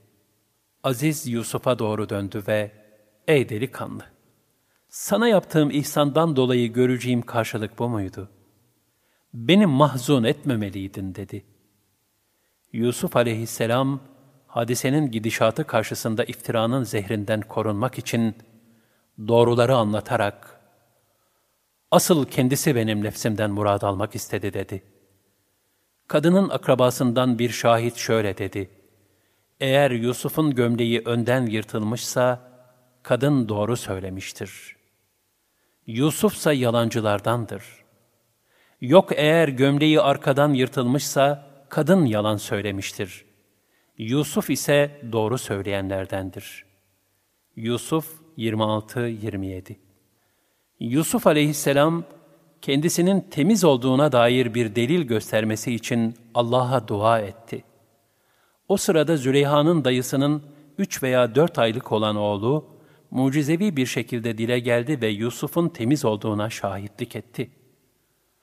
Aziz, Yusuf'un gömleğinin arkadan yırtılmış olduğunu görünce karısına dedi ki, bu iş siz kadınların tuzağındandır. Gerçekten de sizin tuzağınız çok büyüktür. Ey Yusuf, sakın sen bundan kimseye bahsetme. Ey kadın, sen de günahından dolayı istiğfar et. Sen gerçekten günahkarlardan oldun. Yusuf 28-29 Hadise halkın arasında duyulmaya başladı. Şehirdeki bazı kadınlar, Aziz'in karısı delikanlısından murat almaya kalkmış. Yusuf'un sevdası onun kalbine işlemiş. Biz onu gerçekten açık bir sapıklık içinde görüyoruz dediler. Yusuf 30 Yusuf'u gören kadınlar ellerini kesti. Hakkındaki dedikoduları öğrenen Züleyha, Mısır kadınlarını imtihan etmeye karar verdi. Hanım, o kadınların kendisi aleyhindeki bu dedikodularını işitince, onları konağına davet etmek üzere davetçi gönderdi. Onlar için dayanılacak yastıkları olan mükellef bir sofra hazırlattı. Sofrada ikram edilen meyveleri soyup kesmek gayesiyle her birine bir de bıçak vermişti. Onlar meyvelerini soyup kesmekle meşgul oldukları sırada, beriden de Yusuf'a, onların huzuruna çık dedi. Kadınlar onu görünce, onun büyüklüğünü anladılar. Onun güzelliğine dalıp gittiklerinden farkında olmadan, kendi ellerini kestiler ve haşa, Allah için bu bir insan olamaz. Bu pek kıymetli bir melek, başka bir şey değil dediler. Yusuf 31 Ayet-i kerimedeki dayanılacak yastıklar manasına gelen muttekaen kelimesi yemek meclisi şeklinde de anlaşılmıştır. Çünkü onlar mağrur insanların adeti üzere yerken, içerken ve sohbet ederken arkalarına dayanırlardı. Bu sebeple dayanarak yemek yeme adeti yasaklanmıştır. Nitekim Resulullah sallallahu aleyhi ve sellem, ben bir yere dayanarak yemek yemem buyurmuştur. Hz. Ayşe radıyallahu anha, Resul-i Ekrem sallallahu aleyhi ve sellem Efendimizin yüz güzelliğini ifade sadedinde, onu Yusuf aleyhisselama kıyasla şöyle der. Mısır ahalisi Resulullah sallallahu aleyhi ve sellemin yüzünün güzelliğini işitmiş olsalardı, Yusuf aleyhisselamın pazarlığında bir kuruş dahi harcamazlardı. Züleyha'yı kötüleyen kadınlar, Resul-i Ekrem'in parlak alnını görselerdi, elleri yerine kalplerini keserlerdi. Resulullah sallallahu aleyhi ve sellem Efendimiz, siretinin de sureti gibi güzel olması için devamlı olarak dua ederdi. Aynaya bakarken ahlaki güzelliğe vurgu yapar ve Allah'ım yaratılışımı güzel kıldığın gibi ahlakımı da güzelleştir. Ya Rabbi, beni ahlakın en güzeline ulaştır. Şüphesiz ona ulaştıracak olan ancak sensin diye dua ederdi.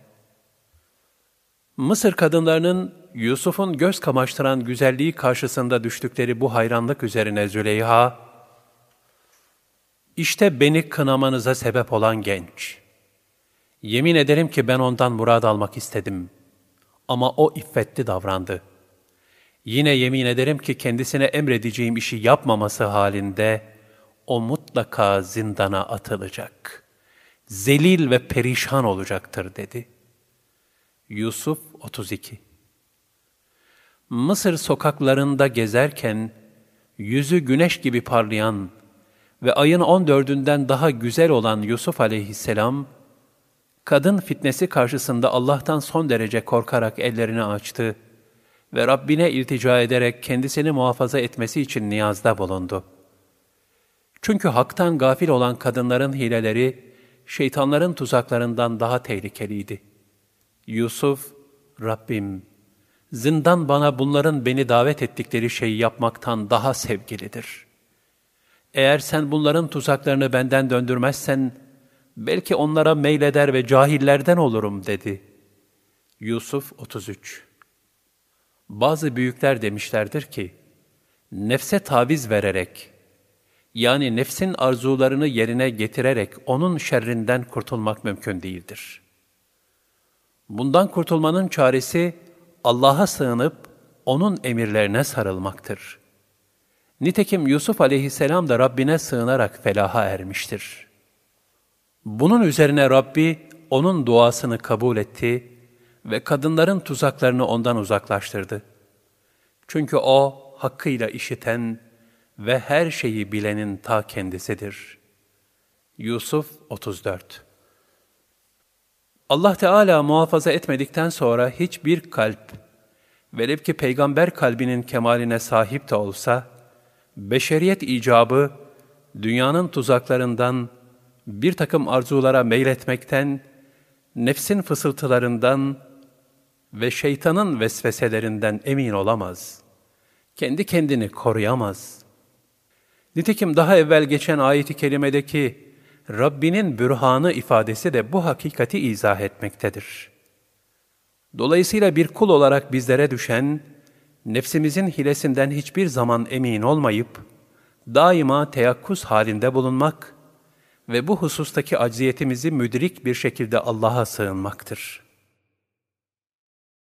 Zindan Yusuf aleyhisselamın duasının kabulü veçile bu kadar delili gördükleri halde sonra yine de Yusuf'u bir süre için zindana atma düşüncesi ağır bastı. Yusuf 35 Yusuf'un üzerindeki elbiseler çıkarılıp ona kıldan dokunmuş bir hırka giydirildi. Ayaklarına da demirden zincir vuruldu. Yusuf aleyhisselam zindan kapısına yaklaşınca başını eğdi ve Bismillah diyerek içeri girdi. Herkes etrafını çevirmiş, kendisi de ağlamaya başlamıştı. Cebrail aleyhisselam gelerek niçin ağladığını sordu. Yusuf, namaz kılabileceği bir yer bulamadığı için ağladığını bildirince, Cebrail aleyhisselam ona, dilediğin yerde namaz kıl. Allah zindanın içinde ve dışında kırk arşın yeri senin için temiz kılmıştır dedi. Zindana onunla beraber iki genç daha girmişti. Onlardan biri ben rüyamda kendimi şarap yapmak için üzüm sıkarken gördüm. Öbürü de ben de başımın üstünde ekmek taşıdığımı ve bu ekmeği kuşların gagaladığını gördüm. Ne olur bu rüyamızın tabirini bildir. Doğrusu biz seni muhsinlerden biri olarak görüyoruz dediler. Yusuf, size yedirilecek bir yemek gelmeden önce ben onun tabirinin ne olduğunu muhakkak size haber veririm. Bu Rabbimin bana öğrettiklerindendir. Şüphesiz ki ben Allah'a inanmayan bir kavmin dininden uzaklaştım. Onlar ahireti de inkar edenlerin ta kendileridir dedi. Yusuf 36-37 Bu iki gencin zindana atılmaları hususunda şöyle bir rivayet vardır. Mısır'ın ileri gelenlerinden bir kısım insanlar, Melik Reyyan bin Velid'i zehirleterek öldürmek ve yerine aralarından belirledikleri bir kimseyi getirmek istiyorlardı. Bunun için Melik'in sofrasını hazırlayan biri aşçı, biri şerbetçi olan iki kişiyi çeşitli vaatlerle kandırdılar. Onları Melik'in yemeğine ve içeceğine zehir katmaları hususunda ikna ettiler. Şerbetçi bu işin kötülüğünü anladı, zehir katmaktan vazgeçti.'' Aşçı ise bu kötü fiili irtikab etti. Vaktaki sofra konup, Melik elini uzatınca şerbetçi, ''Ey Melik sakın yeme, çünkü o yemek zehirlidir.'' dedi. Aşçı da, ''Ey Melik sakın içme, çünkü o içecek zehirlidir.'' dedi. Bunun üzerine Melik şerbetçiye sofradaki içiciyi içmesini emretti, o da tereddüt etmeden içti. Sonra aşçıya dönüp yemekten yemesini emretti, fakat aşçı yemedi.'' Yemeği bir hayvana yedirdiklerinde hayvan hemen orada ölüverdi. Bunun üzerine ikisi de zindana atıldılar. Zindanda ayette bahsedilen rüyaları gördüler. Hazreti Yusuf aleyhisselam aynı zindanı paylaştığı bu iki gence tevhid akidesini tebliğ etmek istedi. Onların rüyalarını tabir etmeden evvel, kendisinin hak din üzere bulunduğunu, sahip olduğu ilmin Cenab-ı Hak tarafından bahşedildiğini ve Mısırlıların yanlış yolda olduklarını bildirdi. Onları tevhide hazırlayarak, hak dini kendilerine tebliğ etti. Burada ibret alınacak husus, bir müminin en zor şartlar altında dahi emri bil maruf ve nehi anil münkerde bulunmayı ihmal etmemesinin lüzumudur.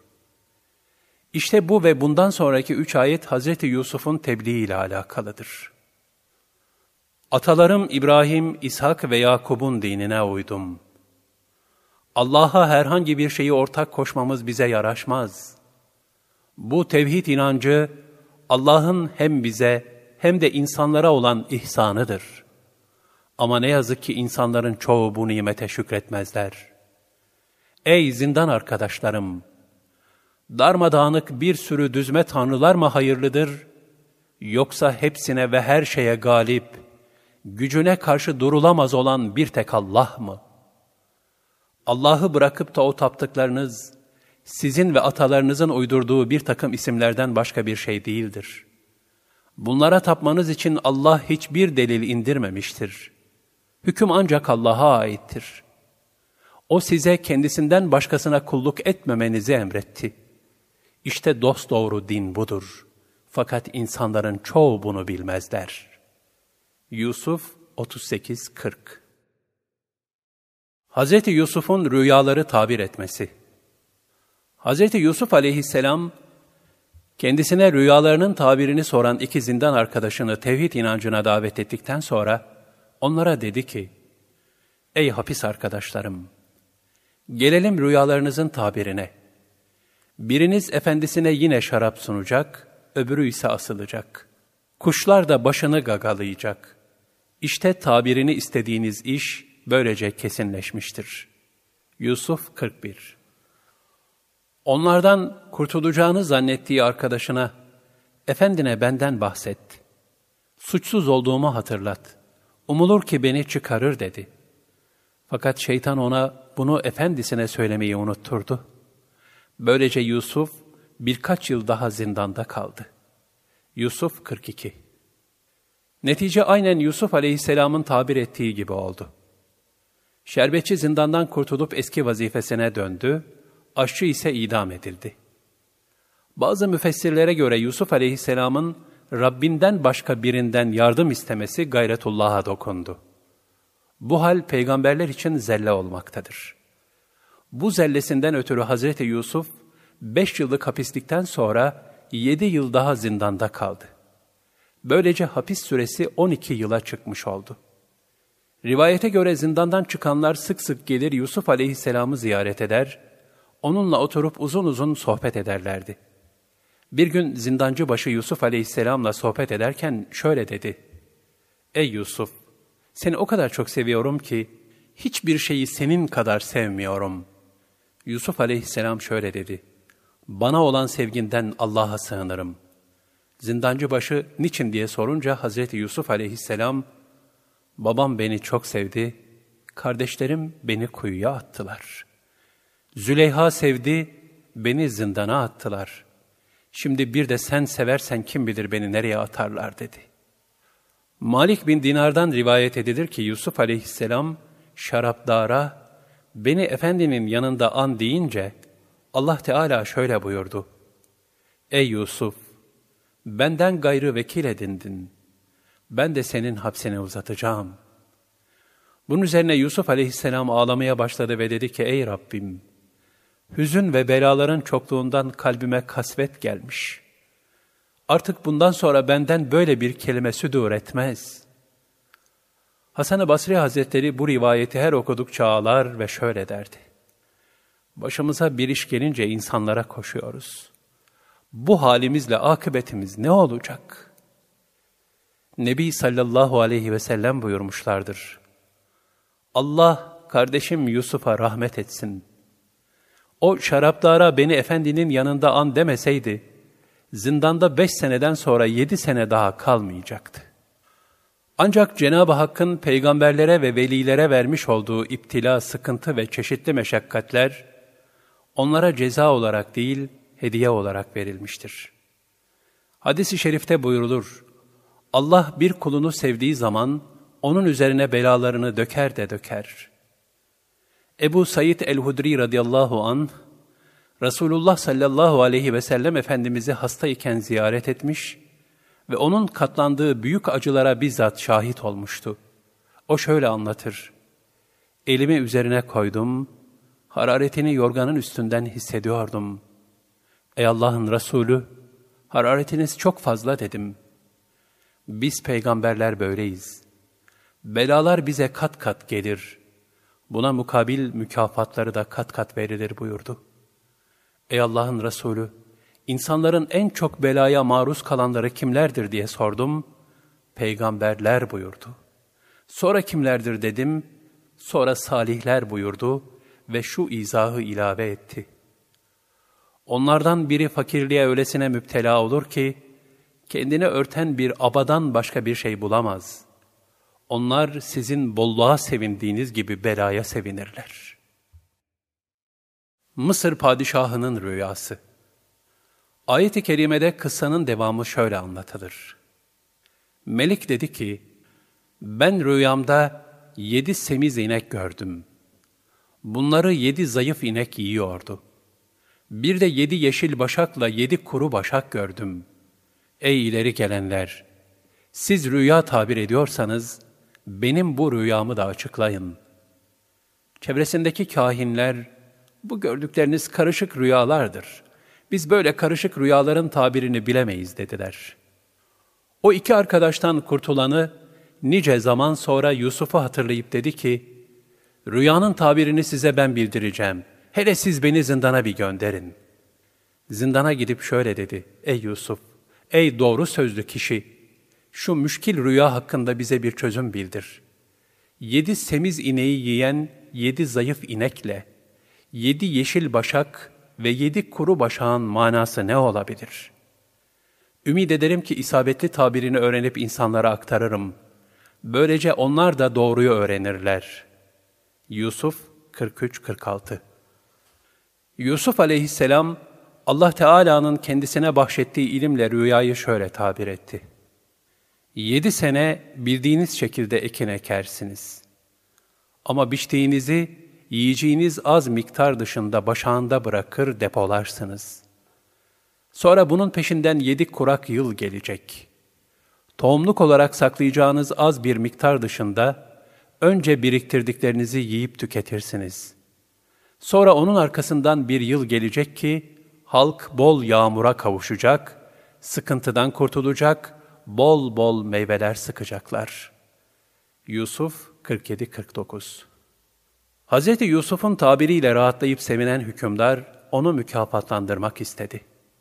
Hükümdar dedi ki, getirin bana onu. Elçi gelince Yusuf, sen önce dönüp efendine o ellerini kesen kadınların meselesi neymiş bir sor bakalım. Zaten benim efendim o kadınların hilelerini pek iyi bilir.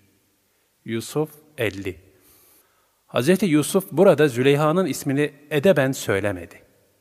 Bir de onun düşmanlığın zirvesinde olduğuna inandığı için yeni bir hile yapmasından sakındı. Hükümdar o kadınları toplayıp, Yusuf'u elde etmeye çalıştığınızda davanız neydi diye sordu. Onlar da haşa, Allah için söylemek gerekirse, onun yaptığı hiçbir kötülüğü bilmiş görmüş değiliz dediler. İşte o sırada vezirin eşi, şimdi hak meydana çıktı. Ondan kam almak isteyen bendim.''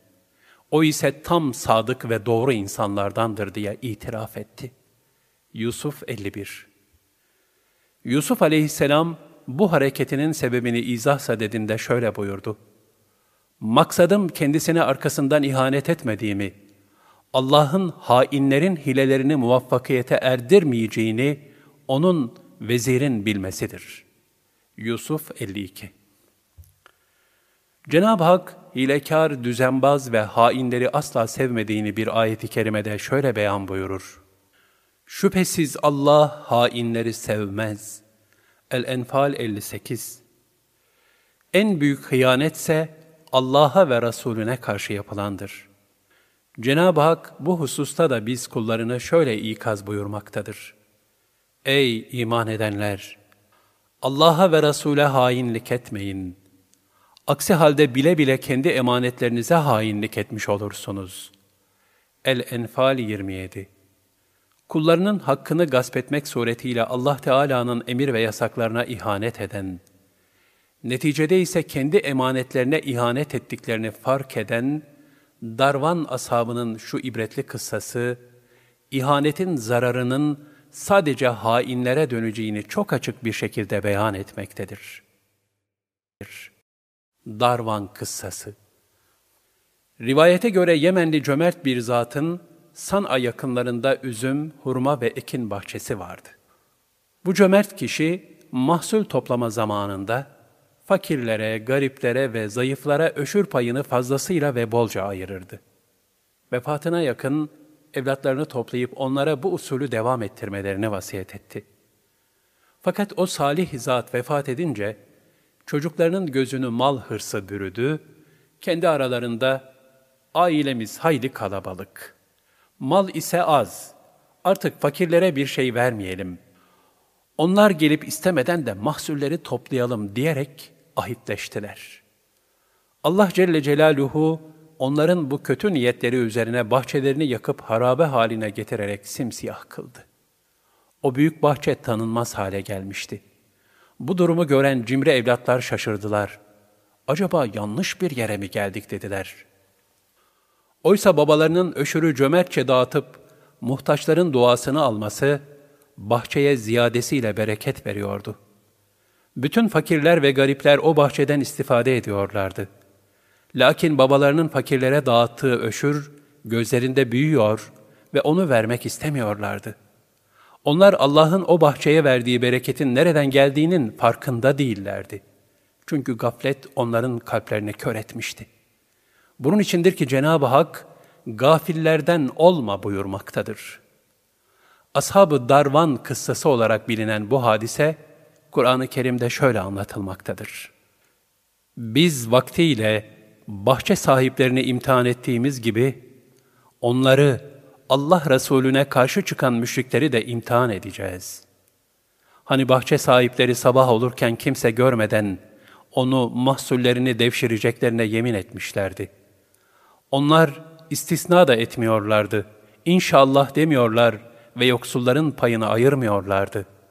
Fakat onlar daha uykudayken Rabbinin katından gönderilen kuşatıcı bir afet, ateş, bahçeyi sarı verdi ve bahçe kapkara kesildi. Beri tarafta ise onlar sabah olurken, madem devşireceksiniz, hadi erkenden mahsulünüzün başına gidin diye birbirlerine seslendiler.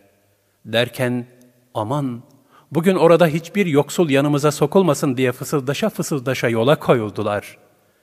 Evet, yoksullara yardıma güçleri yettiği halde, onları yardımdan mahrum etmek niyet ve azmi ile erkenden yola çıktılar.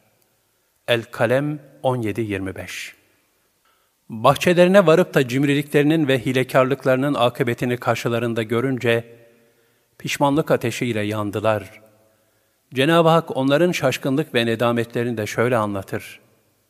Fakat bahçeyi gördüklerinde, biz mutlaka yolumuzu şaşırmış olmalıyız dediler. Yanlış yere gelmediklerini anlayınca da şöyle dediler, yok yok, doğrusu biz felakete uğramışız. En insaflıları ise, ben size Allah'ı tesbih etmenizi söylememiş miydim dedi. Rabbimizi tesbih ederiz, doğrusu biz kendi kendimize yazık etmişiz dediler. Ardından birbirlerini kınamaya başladılar. Nihayet şöyle dediler, yazıklar olsun bize. Gerçekten biz azgın kişilermişiz. Belki Rabbimiz bize bunun yerine daha iyisini verir. Çünkü biz artık Rabbimizi, O'nun rızasını arzuluyoruz.'' El-Kalem 26-32 Bu ayetlerde fakirin, garibin öşür hakkını vermemek için onlara hilekarlık yapan, merhametsiz bahçe sahiplerinin hazin akıbetlerini Cenab-ı Hak bir ibret olarak ne güzel bildiriyor. Kalplerdeki bütün niyetler Cenabı Hakk'a açıktır. Onun azameti her şeyi kaplamıştır. Allah Teala bu kıssayı şu mühim ikazla nihayete erdirir. İşte azap böyledir. Ahiret azabı ise elbette daha büyüktür. Keşke bilselerdi. El-Kalem 33 Hazreti Yusuf'un firaseti Yusuf aleyhisselam, melik hakikate iyice vakıf olmadan, meselenin aslı iyice anlaşılmadan ve haksız yere hapse atıldığı herkesçe kabul edilmeden evvel zindandan çıkmak istemedi. Aklını kullanarak sabırlı ve vakarlı bir tavır göstererek, kendisine haset edenlerin işi daha fazla karıştırmalarına da mani oldu. Kendisine yapılan bütün isnatların yalan ve iftira olduğunu ispat edip töhmetten tamamen kurtulunca, zindandan çıkmayı kabul etti. Bu sebeple her Müslüman, Yusuf aleyhisselamın bu firasetli hareketinden ibret alarak, üzerinden töhmeti atmak ve töhmet yerlerinden sakınmak hususunda son derece dikkatli ve titiz davranmalıdır. İslam alimleri de müminlerin töhmet mahallerinden sakınması gerektiğini söylemişlerdir. Hz. Ömer radıyallahu an kim töhmet yollarına girerse töhmete maruz kalır buyurmuştur.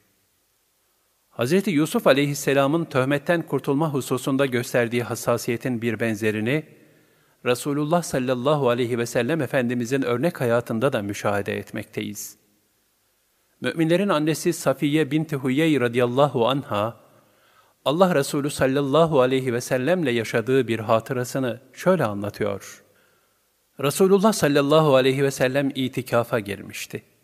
Bir gece onu ziyarete gidip konuştum. Sonra eve dönmek üzere kalktığım zaman o da beni evime götürmek üzere kalktı. Bu sırada ensardan iki kişi bizimle karşılaştı. Peygamber sallallahu aleyhi ve sellemi görünce oradan çabucak uzaklaşmak istediler. Resulullah sallallahu aleyhi ve sellem ise biraz yavaş olun. Yanımdaki Safiye binti Huyey'dir dedi. Onlar, Resulünün uygunsuz bir davranışta bulunmasından Allah'ı tenzih ederiz ya Resulallah deyince de, şeytan insanın vücudunda kan gibi dolaşır. Onun sizin kalbinize bir kötülük veya bir şüphe atmasından endişe ettim buyurdu. Töhmete maruz kalmaktan sakınma hususunda olduğu gibi, töhmet etmekten de son derece iştinab etmenin lüzumuna dair Hak Teâlâ, Kur'an-ı Kerim'de biz kullarını şöyle ikaz buyurmaktadır. Hakkında kesin malumatın olmayan bir şeyin ardına düşme. Çünkü kulak, göz ve gönül, yani bütün bunlar yaptıkları şeylerden sual olunacaklardır. El-İsra 36 Kendisinin tamamen suçsuz olduğunu ispatlayıp halkın töhmetinden kurtulan Hazreti Yusuf aleyhisselam, yine de nefsin hilesinden Cenab-ı Hakk'a sığınarak dedi ki, Bununla beraber ben nefsimi temize çıkarmıyorum. Çünkü nefs aşırı bir şekilde olanca şiddetiyle kötülüğü emreder. Meğer ki Rabbim merhamet edip korumuş ola. Şüphesiz Rabbim hataları örten ve çok merhamet edendir. Yusuf 53 Bir başka ayet-i kerimede Allah Teala şöyle buyurur. Eğer üstünüzde Allah'ın lütuf ve merhameti olmasaydı, içinizden hiçbir kimse temize çıkamazdı. Fakat Allah dilediğini arındırır. Allah hakkıyla işitir ve bilir. En-Nur 21 Bu bakımdan kula düşen, istiğfar, iltica ve tazarruya sarılmak suretiyle, nefsin şerrinden muhafaza olunmayı ve ahirete yüz akıyla varabilmeyi Rabbinden niyaz etmektir. Allah köleyi sultan eder. Nihayet Hazreti Yusuf'taki ince siyaset, zeka ve fevkaladeliği fark eden Melik, onu yüksek bir makama getirmek istedi. Bu hal ayet-i kerimede şöyle ifade edilmektedir. Melik, getirin onu bana, onu kendime hususi bir müsteşar edineyim dedi. Onunla konuşunca da, sen bundan böyle nezdimizde yüksek bir makam sahibi ve tam itimat edilen bir müsteşarsın dedi. Yusuf 54 Yusuf aleyhisselam zindandan çıkarken kapısına şunları yazdı. Burası belalar menzili, diriler kabri, düşmanların hasımları aleyhine sevinerek güldüğü ve dostların imtihan edildiği mahaldir. Ardından gusledip yeni elbiselerini giydi, zindandakiler için de şöyle dua etti. Allah'ım, salihlerin kalplerini onlara meylettir ve dostlarının haberlerini onlardan gizleme. Meleğin huzuruna girince de, Allah'ım, bundan gelecek her hayırdan evvel ve daha ziyade senden hayır beklerim. Bunun şerrinden senin izzet ve kudretine sığınırım dedi. Bu hükümdar, Yusuf aleyhisselamı satın almış olan Aziz değildir. Züleyha'nın kocası olan Aziz, rivayete göre Yusuf aleyhisselam zindandan çıkmadan ölmüştü.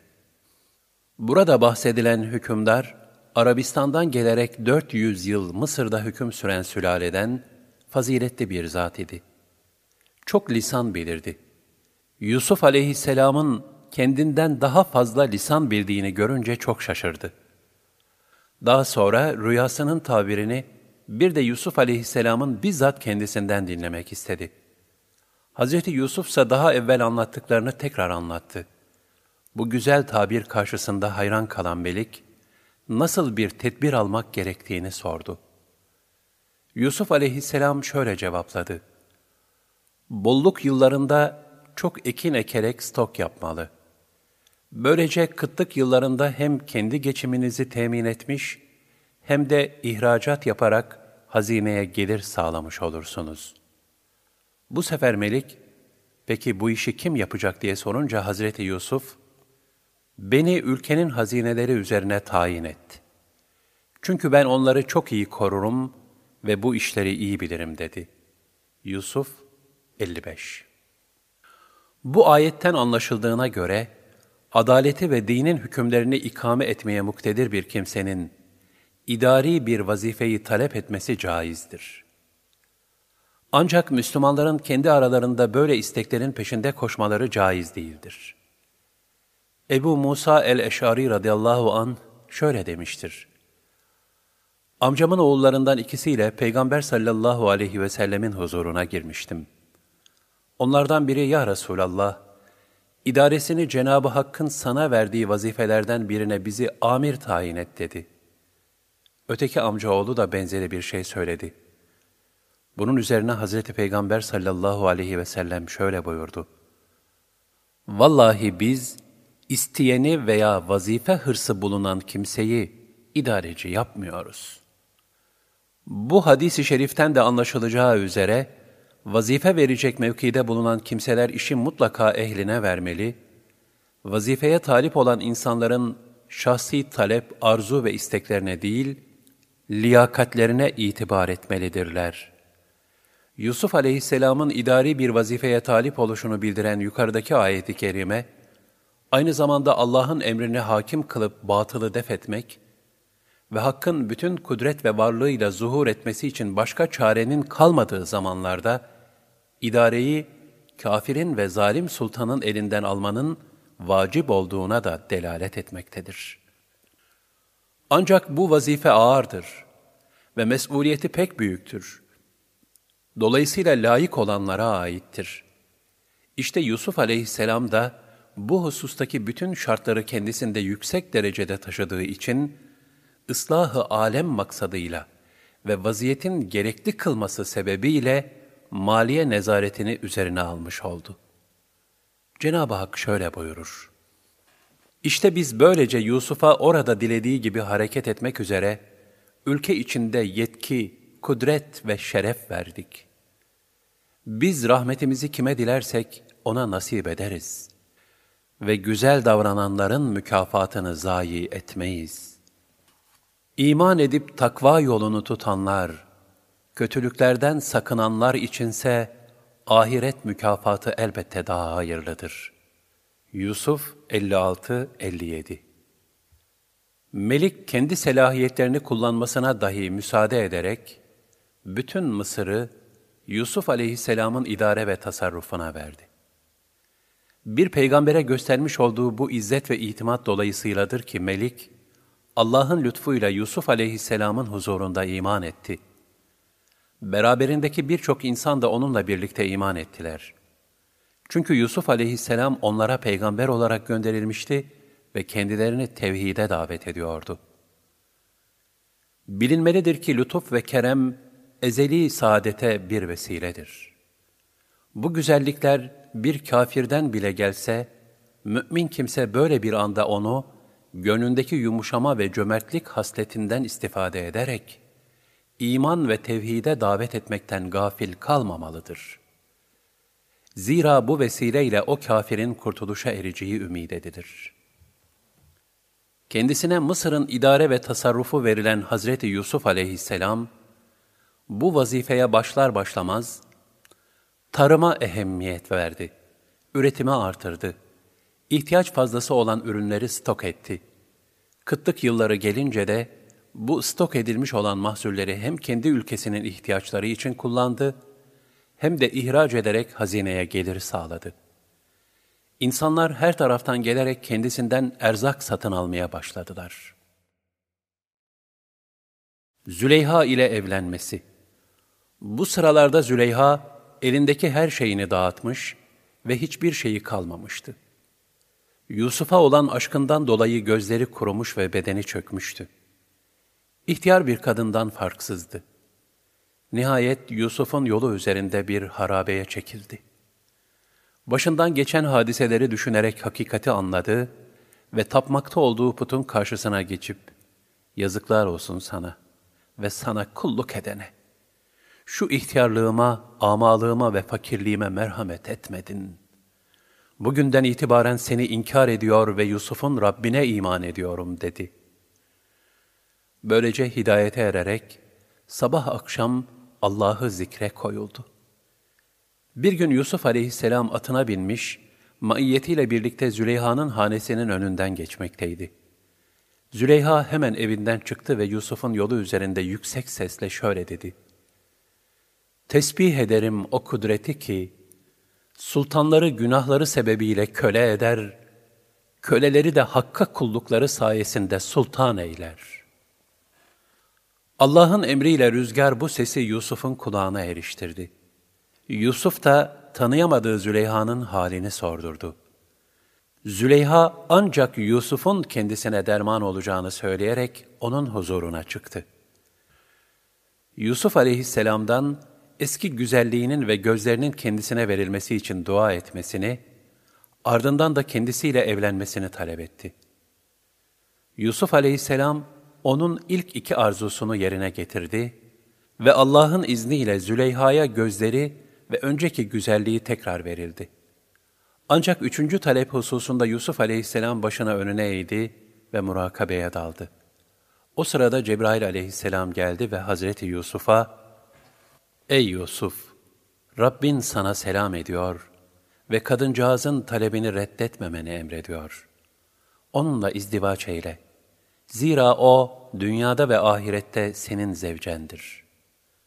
Bu emir üzerine Yusuf aleyhisselam Züleyha'yı kendisine nikahladı. Daha sonra Yusuf aleyhisselam ellerini semaya kaldırarak şöyle dua etti. Ey bana bunca nimeti ihsan eden, merhametlilerin en merhametlisi olan Allah'ım! Sana nihayetsiz hamdü senalar olsun. İlahi, üzerimdeki nimeti tamamlamanı, bana babam Yakub'un yüzünü göstermeni, beni de ona göstermekle onun da gözlerini nurlandırmanı ve kardeşlerimin de benimle görüşme yollarını açmanı senden dilerim Rabbim. Sen duayı kabul edensin. Sen her şeye kadirsin. Erzak almaya gelen kardeşleri ve Hazreti Yusuf'un güzel planı. Bu arada kıtlık sebebiyle Yakup aleyhisselam da Yusuf'un öz kardeşi olan Bünyamin'i yanında alıkoyarak, diğer oğullarını erzak almak için Mısır'a gönderdi. Ayet-i kerimelerde bu hadise de şöyle anlatılır. Yusuf'un kardeşleri gelip onun huzuruna girdiler. Yusuf onları hemen tanıdı. Kardeşleri ise onu tanıyamadılar. Yusuf onların yüklerini hazırlayınca dedi ki, sizin baba bir erkek kardeşinizi de getirin. Görmüyor musunuz? Size tam ölçek veriyorum. Ben misafirperverlerin en hayırlısıyım. Eğer onu bana getirmezseniz, artık benden bir ölçek dahi alamazsınız. Ve bir daha bana yaklaşmayın. Yusuf 58-60 Yusuf aleyhisselamın gelmeyen kardeşini de istemesi şu sebepledir. Kıtlık sebebiyle erzak ihtiyaç kadar veriliyordu. Yardım alacak şahsın bizzat bulunması gerekiyordu. Hz. Yusuf'un kardeşleri, gelemeyen baba ve kardeşleri için de birer hisse isteyince Yusuf aleyhisselam, ihtiyar babayı mazur sayarak, bir defaya mahsus erzak verdi. Fakat bir dahaki sefere öbür kardeşin de gelmesini şart koştu. Bu vesileyle kardeşini görmek ve ondan haber almak istiyordu. Kardeşleri, onu babasından istemeye çalışacağız. Herhalde bunu yaparız dediler. Yusuf emrindeki gençlere, sermayelerini yüklerinin içine koyun. Olur ki ailelerine döndüklerinde bunun farkına varırlar da, belki yine buraya dönerler dedi. Bu şekilde babalarına döndükleri zaman dediler ki, ey babamız, erzak bize yasaklandı. Kardeşimiz Bünyamin'i bizimle beraber gönder de, onun sayesinde zahire alalım. Biz onu mutlaka koruyacağız. Yakup dedi ki, daha önce kardeşi Yusuf hakkında size ne kadar güvendiysem, bunun hakkında da size ancak o kadar güvenirim. Ben onu sadece Allah'a emanet ediyorum. Allah en hayırlı koruyucudur. O merhametlilerin en merhametlisidir. Yusuf 61-64 Yakup aleyhisselam, Allah en hayırlı koruyucudur. O merhametlilerin en merhametlisidir deyince, Allah Teala şöyle buyurdu. İzzet ve celalim hakkı için, madem ki sen bana bu şekilde tevekkül ediyorsun, ben de seni iki evladına birden kavuşturacağım. Buradan anlaşılan şudur ki, mümin fanilere değil, Allah'a dayanıp güvenmeli.'' daima ona tevekkül etmelidir. Çünkü Allah'tan başka her şeyin öncelikle kendisi muhafazaya muhtaçtır. Allah Teala ise hiçbir şeye muhtaç değildir. Fakat Allah'a tevekkül ederken de sebeplere sarılmayı terk etmemek icap eder. Yakup aleyhisselamın oğulları, Bünyamin'i de yanlarına alıp Mısır'a giderek erzak alabilmek için babalarına türlü diller döküyor ve onu razı etmeye çalışıyorlardı. Eşyalarını açtıklarında ödemiş oldukları bedelin kendilerine iade edildiğini gördüler. Dediler ki, ey babamız, daha ne istiyoruz? İşte sermayemiz de iade edilmiş. Onunla yine ailemize yiyecek getiririz.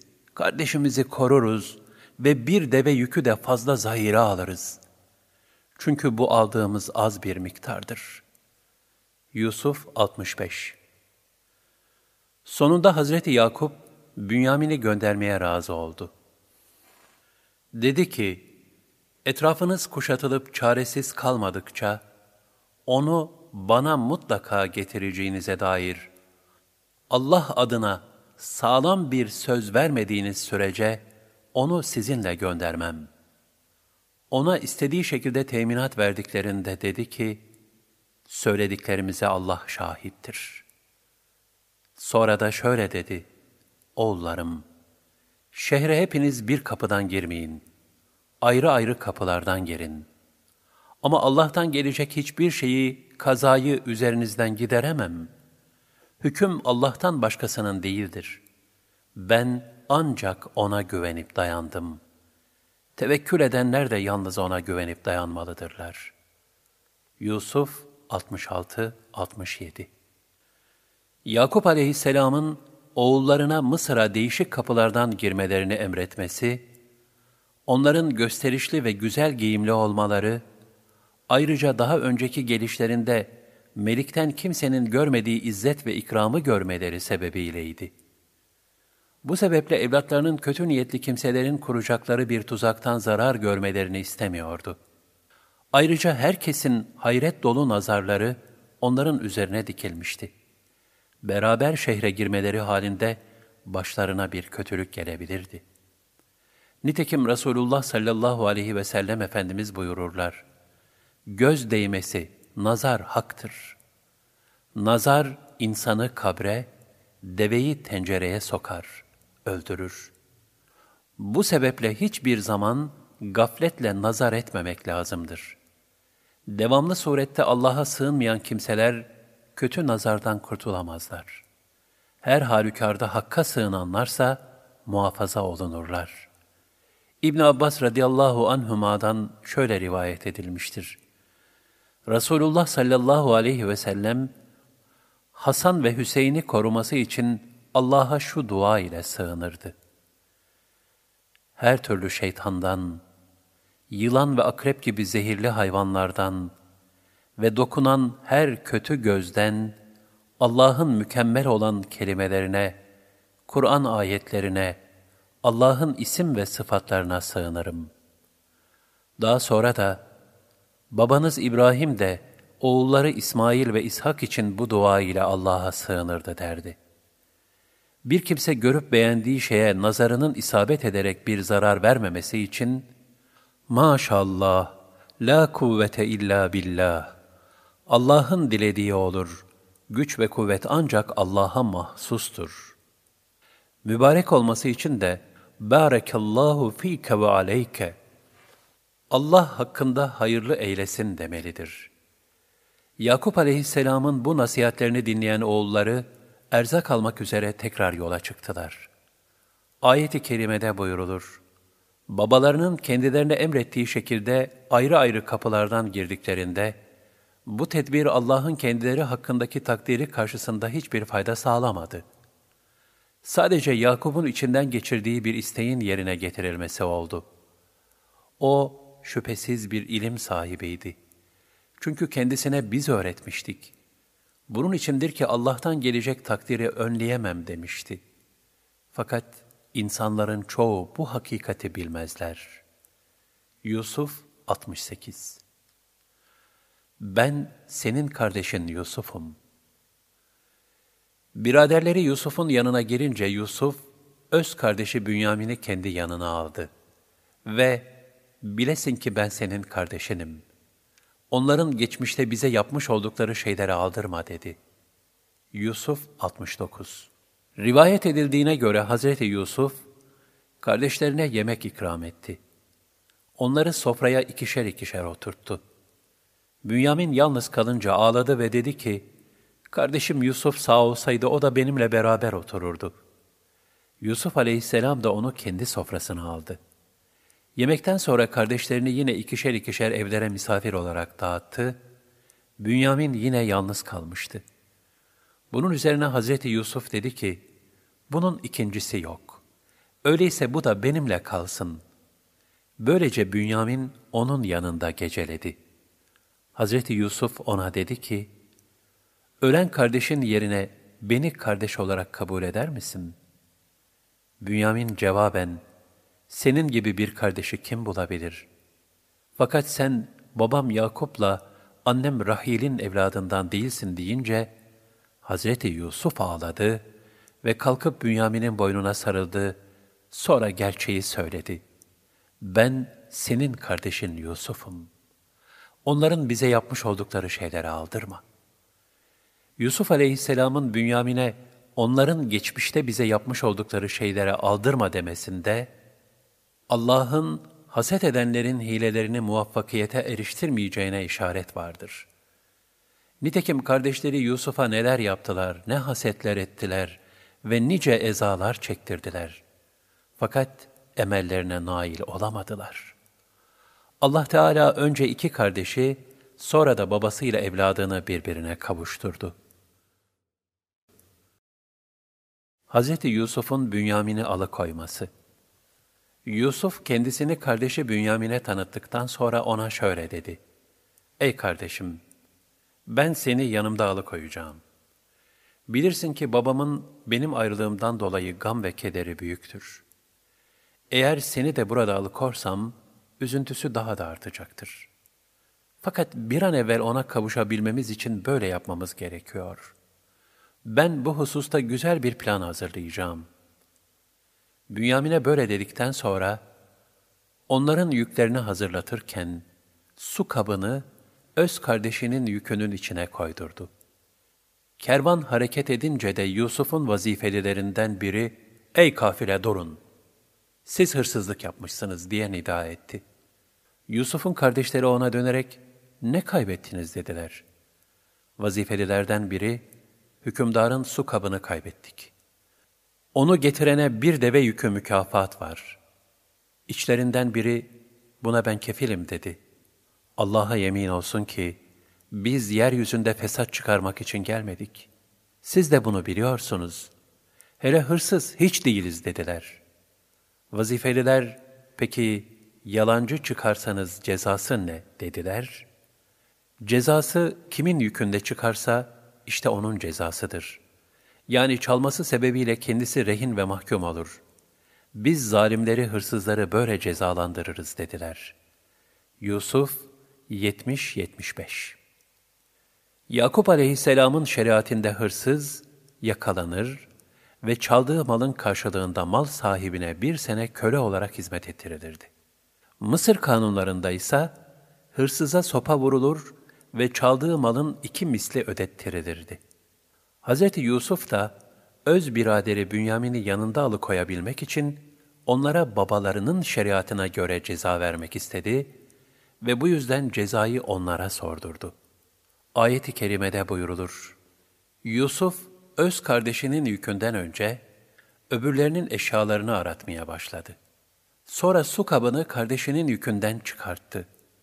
İşte biz Yusuf'a kardeşini alıkoyması için böyle bir plan öğrettik. Yoksa Allah dilemedikçe hükümdarın kanununa göre kardeşini alıkoymasına imkan yoktu. Biz dilediğimiz kimseleri pek üstün derecelere yükseltiriz. Her ilim sahibinin üstünde daha iyi bilen biri bulunur. Yusuf 76 Yusuf aleyhisselam, kardeşi Bünyamin'i yanında alıkoyabilmek için Allah'ın emriyle firaset numunesi olan güzel bir plan hazırladı. Nakledildiğine göre planını kardeşine de anlatıp onun da tasdiğini aldı. Yusuf aleyhisselamın böyle yapmaktan maksadı, kardeşlerinden intikam almak değildi. Çünkü kendine yapılanları affetmişti. Lakin onların yaptıkları işlerde bir de Allah hakkı vardı ki, onu affetmek Yusuf'un elinde değildi. Ancak o, kardeşlerinin Allah katında da affa mazhar olmalarını istiyordu. Bu sebeple kendisini tanıtmadan önce, Allah'ın hakkı namına tarizli bir ikaz ihtiva eden, siz mutlaka hırsızsınız suçlamasıyla, onları ciddi bir pişmanlık duygusuna sevk etmek istedi. Onların yaptıkları en müthiş cürüm, hırsızlık, bir hileyle babalarından Yusuf'u çalmalarıydı. Yusuf aleyhisselam, onları bütün yaptıkları kötülüklerden tövbeye yönlendirmek için, Bünyamin'in bu şekilde kalmasını temin etti. Gerçekten de bundan sonraki gelişlerinde, kardeşlerinin nasıl bir kalp yumuşaklığı ile ve ne kadar saf ve temiz düşüncelerle dönüp geldikleri görülmektedir. Dolayısıyla bu hadise, ledünni bir takım hikmetleri ihtiva eden, Rabbani bir ceza ve ilahi bir terbiye olmuştur. Diğer taraftan henüz kendisini tanıtmak zamanının gelmediğini bilen Yusuf aleyhisselam, kardeşini alıkoymanın yollarını düşünürken bile, istibdat ve zorbalığa başvurmamış, makamının ve yetkisinin verdiği gücü kullanmamış, bunu suistimal etmemiştir. Zulüm ve zorbalık şaibesi verecek davranışlardan sakınmış, meseleyi sırf adli ve kanuni yollardan çözüme kavuşturmaya muvaffak olmuştur. Yusuf aleyhisselam bu şekilde aynı zamanda babasının şeriatını Mısır'da uygulama yolunu açmış oldu. Allah bir şeyin olmasını murad edince, sebeplerini de hazırlar. Onun için bir taraftan Yusuf'a o çareyi öğretip kardeşlerinin hakemliğine müracaat ettirdiği gibi, diğer taraftan kardeşlerine de işi sezdirmeyerek o şekilde cevap ve hüküm verdirdi. Böylece hem ülkenin kanunlarını çiğnemeden onları kendi ikrarlarıyla ilzam eyledi, hem de babasının şeriatinden bir hükmün tatbiki ile Mısır hukuk geleneğine canlı ve ameli bir misal kazandırdı. Yusuf aleyhisselam bu planıyla kardeşlerini tamamen çaresiz bırakarak, babalarının ancak çaresiz kalmanız müstesna sözüne uygun bir duruma düşürmüş, onları babalarına yemin ederek verdikleri sözün mesuliyetinden kurtarmıştır. Aranan su kabı, Bünyamin'in yükünde çıkınca. Onlar, eğer o çalmışsa, zaten daha önce kardeşi de hırsızlık etmişti dediler. Yusuf, bu sözden duyduğu üzüntüyü içine attı ve onlara belli etmedi. İçinden de, asıl kötü durumda olan sizsiniz. İleri sürdüğünüz iddiaların gerçek yönünü Allah pek iyi biliyor dedi. Böylece kardeşleri, hayır, bu işte mutlaka bir yanlışlık olmalı deyip, kendilerini ve Bünyamin'i ithamdan kurtarmak için başka çareler arayacakları yerde, öfkeye kapılıp Yusuf'a ve kardeşine duydukları husumeti bir kere daha ağızlarından kaçırdılar. Hz. Yusuf'a isnat edilen hırsızlıkla alakalı olarak farklı görüşler de bulunmaktadır. A. Yusuf'un ana tarafından dedesi putperestti. Hz. Yusuf'un annesi, babasının putlara tapmayı bırakması ümidiyle Yusuf'a o putları çalıp kırmasını emretmiş. Yusuf da bu işi yapmıştı. B. O babasının sofrasından yiyecek alıp fakirlere vermişti. Babasının bir kuzu veya tavuğunu alıp fakirlere verdiği de söylenmiştir. C. Halası Hazreti Yusuf'u çok severdi. Fakat Yusuf büyüyünce babası onu yanına almak istedi. Halası da Yusuf'tan bir türlü ayrılamıyordu. Bunun için İshak aleyhisselamdan kendisine miras kalmış olan kuşağını Yusuf'un beline bağladı. Sonra kaybolduğunu söyledi. Kuşak arandı ve Yusuf'un üzerinden çıktı. Kanun gereği Yusuf'u yanında alıkoydu. D. Bu bir iftiradır. Çünkü onların kalbi hadisenin üzerinden uzun yıllar geçmesine rağmen hala Yusuf'a karşı öfkeyle doluydu. Bu hadise bir defa haset hastalığına yakalanan bir kalbin o haset vekinden kolay kolay kurtulamayacağını göstermektedir. Yine bu söz işari manada siz hırsızlarsınız ithamının verdiği endişeyle söylenmiş ve ona karşılık adeta ledünni bir itap olmuştur. Yusuf'un kardeşleri dediler ki, ey vezir, emin ol ki bunun çok yaşlı bir babası var. Onun için yerine birimizi al. Gerçekten de biz seni muhsinlerden görüyoruz. Yusuf, biz malımızı kimin yanında bulmuşsak onu alıkoyarız. Başkasını tutmaktan Allah'a sığınırım. Çünkü biz öyle yaparsak zalimler arasına girmiş oluruz dedi. Yusuf 78-79 Zulüm çeşit çeşittir. Allah'ın hükmettiğinin zıttına hükmetmek zulüm olduğu gibi, zulmü istemek veya zulme rıza göstermek de zulümdür. Haddi aşarak hak çiğnemek, başkalarına karşı zulmetmek olurken, ahirette azabı mucip olacak günahlar işlemek de kişinin kendi nefsine zulmüdür. Zulme veya bir belaya maruz kalan kimse tevbe ve istiğfarla kurtuluş çaresini Allah'tan istemelidir. Sehl bin Abdullah et-Tüsteri der ki, Allah bir kulunu sevdiği zaman, günahını kendi gözünde büyük gösterir ve ona tevbe kapısını açar. Bu kapı Allah'la ünsiyet bahçelerine açılmıştır. Bir kula da gazap ettiği zaman, günahlarını gözünde küçük gösterir ve onu da çeşitli belalarla uslandırır. Çünkü günahını küçük gören kimse, öğüt ve nasihat kabul etmez de, hüsrana düşenlerden olur.'' Yusuf'un kardeşleri başlarına gelen bu hadiseler üzerine ne yapacaklarını ve babalarına ne diyeceklerini düşünmeye başladılar. Ayet-i kerimede onların hali şöyle anlatılmaktadır. Ne zaman ki onu, Bünyamin'i kurtarmaktan ümit kestiler, o zaman bir kenara çekilip aralarında fısıldaşarak konuşmaya başladılar.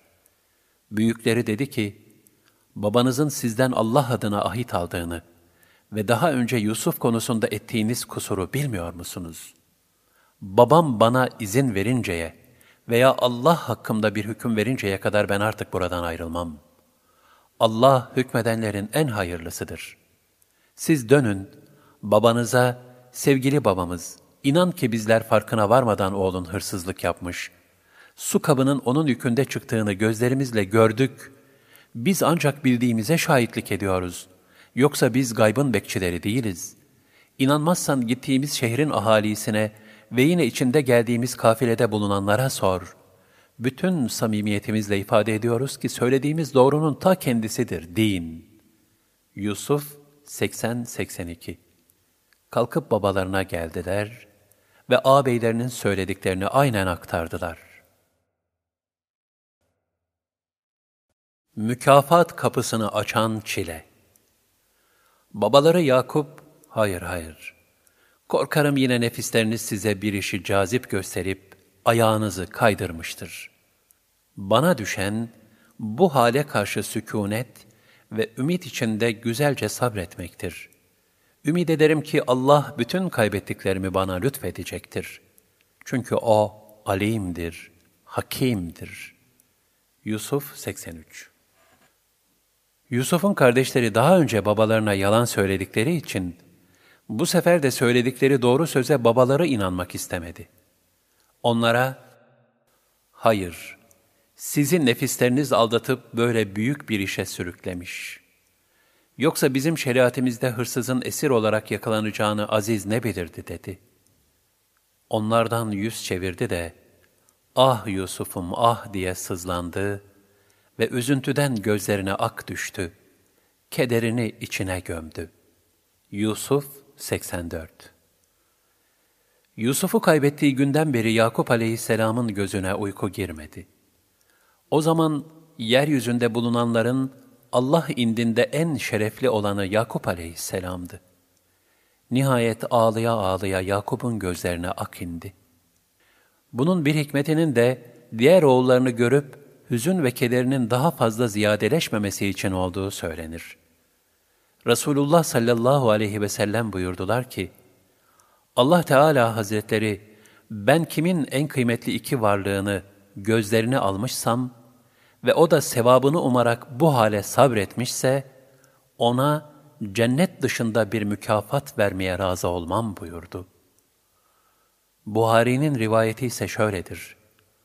Allah Teala Hazretleri buyurdu ki, ben kulumu iki sevdiğiyle imtihan edersem, o da bu hale sabır gösterir ve sevap umarsa, onlara bunun karşılığında cenneti veririm. Yakup aleyhisselam, kırk sene ağlamıştır. Onun amalığı hususunda bazı büyükler şöyle demişlerdir. Allah Teala bu amalığı Yakub'a, Yusuf'un dış görüntüsünü değil, onda tecelli eden cemali mutlakı daimi olarak seyretmesi için vermiştir.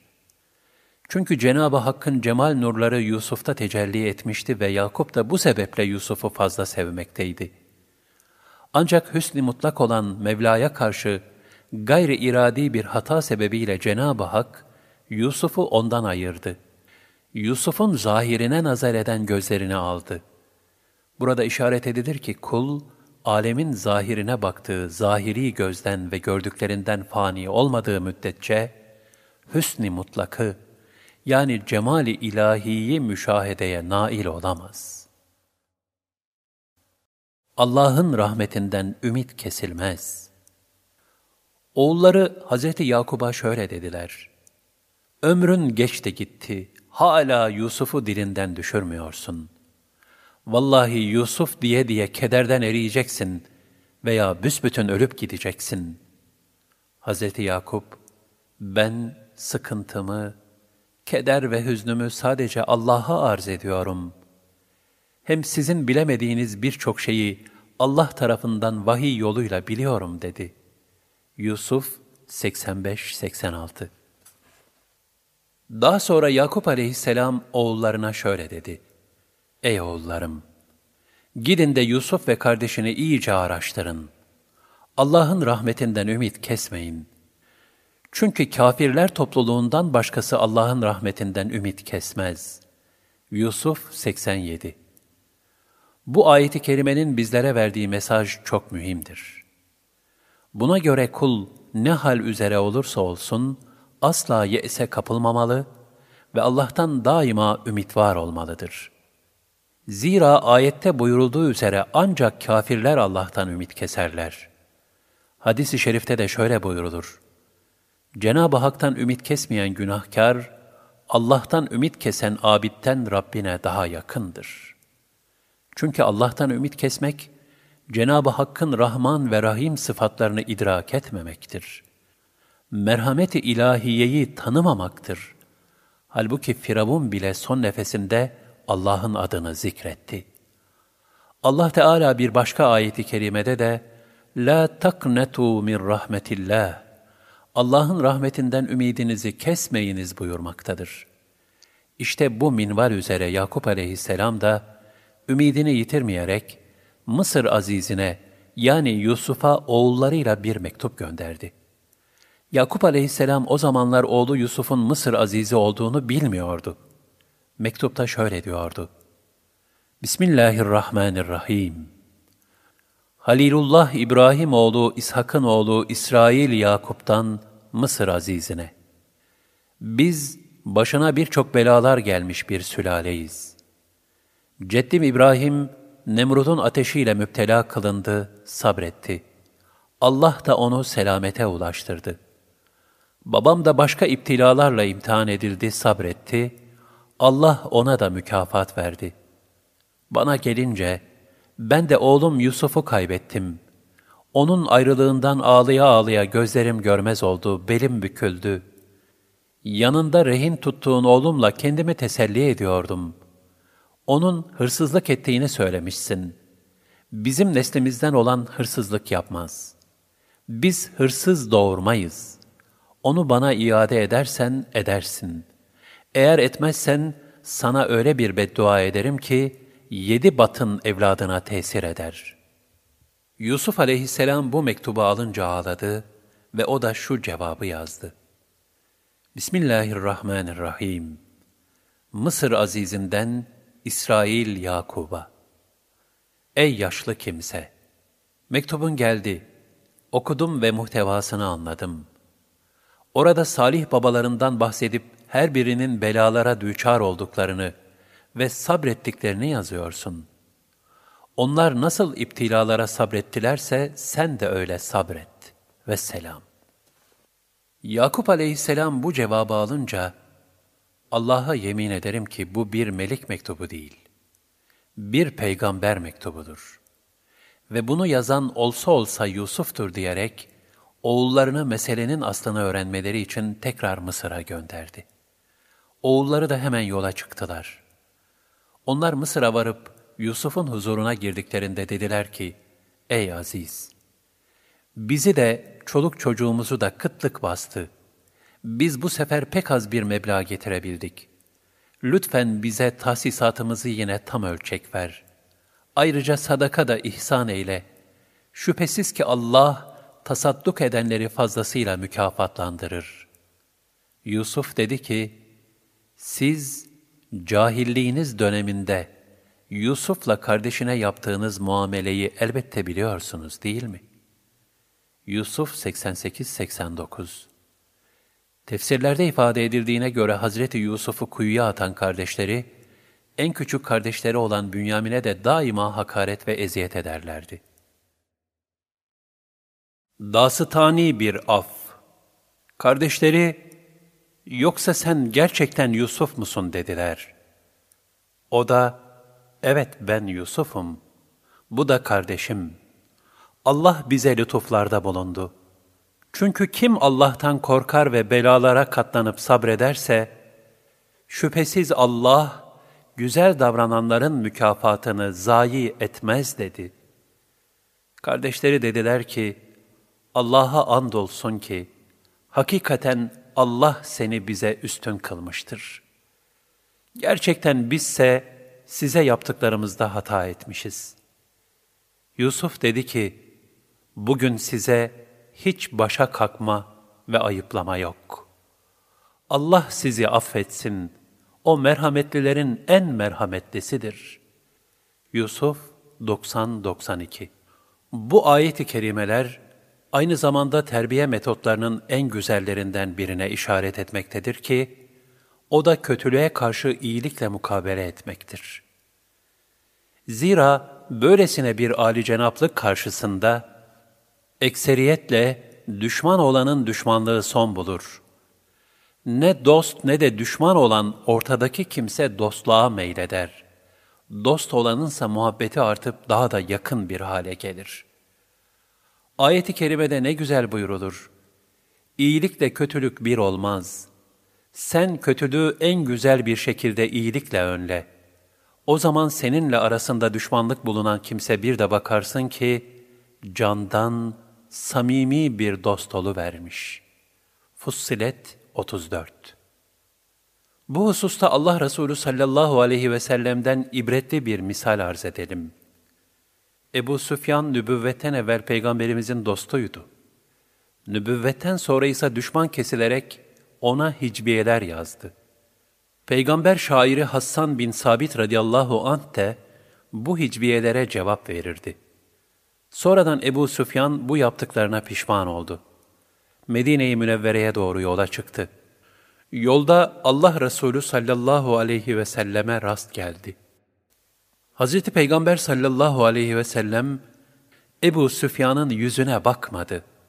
Ebu Süfyan çok müteessir oldu. Hazreti Ali radıyallahu anh'ın öğrettiği şekilde Allah'a andolsun ki hakikaten Allah seni bize üstün kılmıştır.'' Gerçekten biz ise size yaptıklarımızda hataya düşmüşüz ayetiyle özür diledi. Merhamet ve şefkat ummanı olan Allah Resulü sallallahu aleyhi ve sellem de Yusuf suresinden Bugün size karşı hiçbir başa kalkma ve ayıplama yoktur. Allah sizi bağışlasın.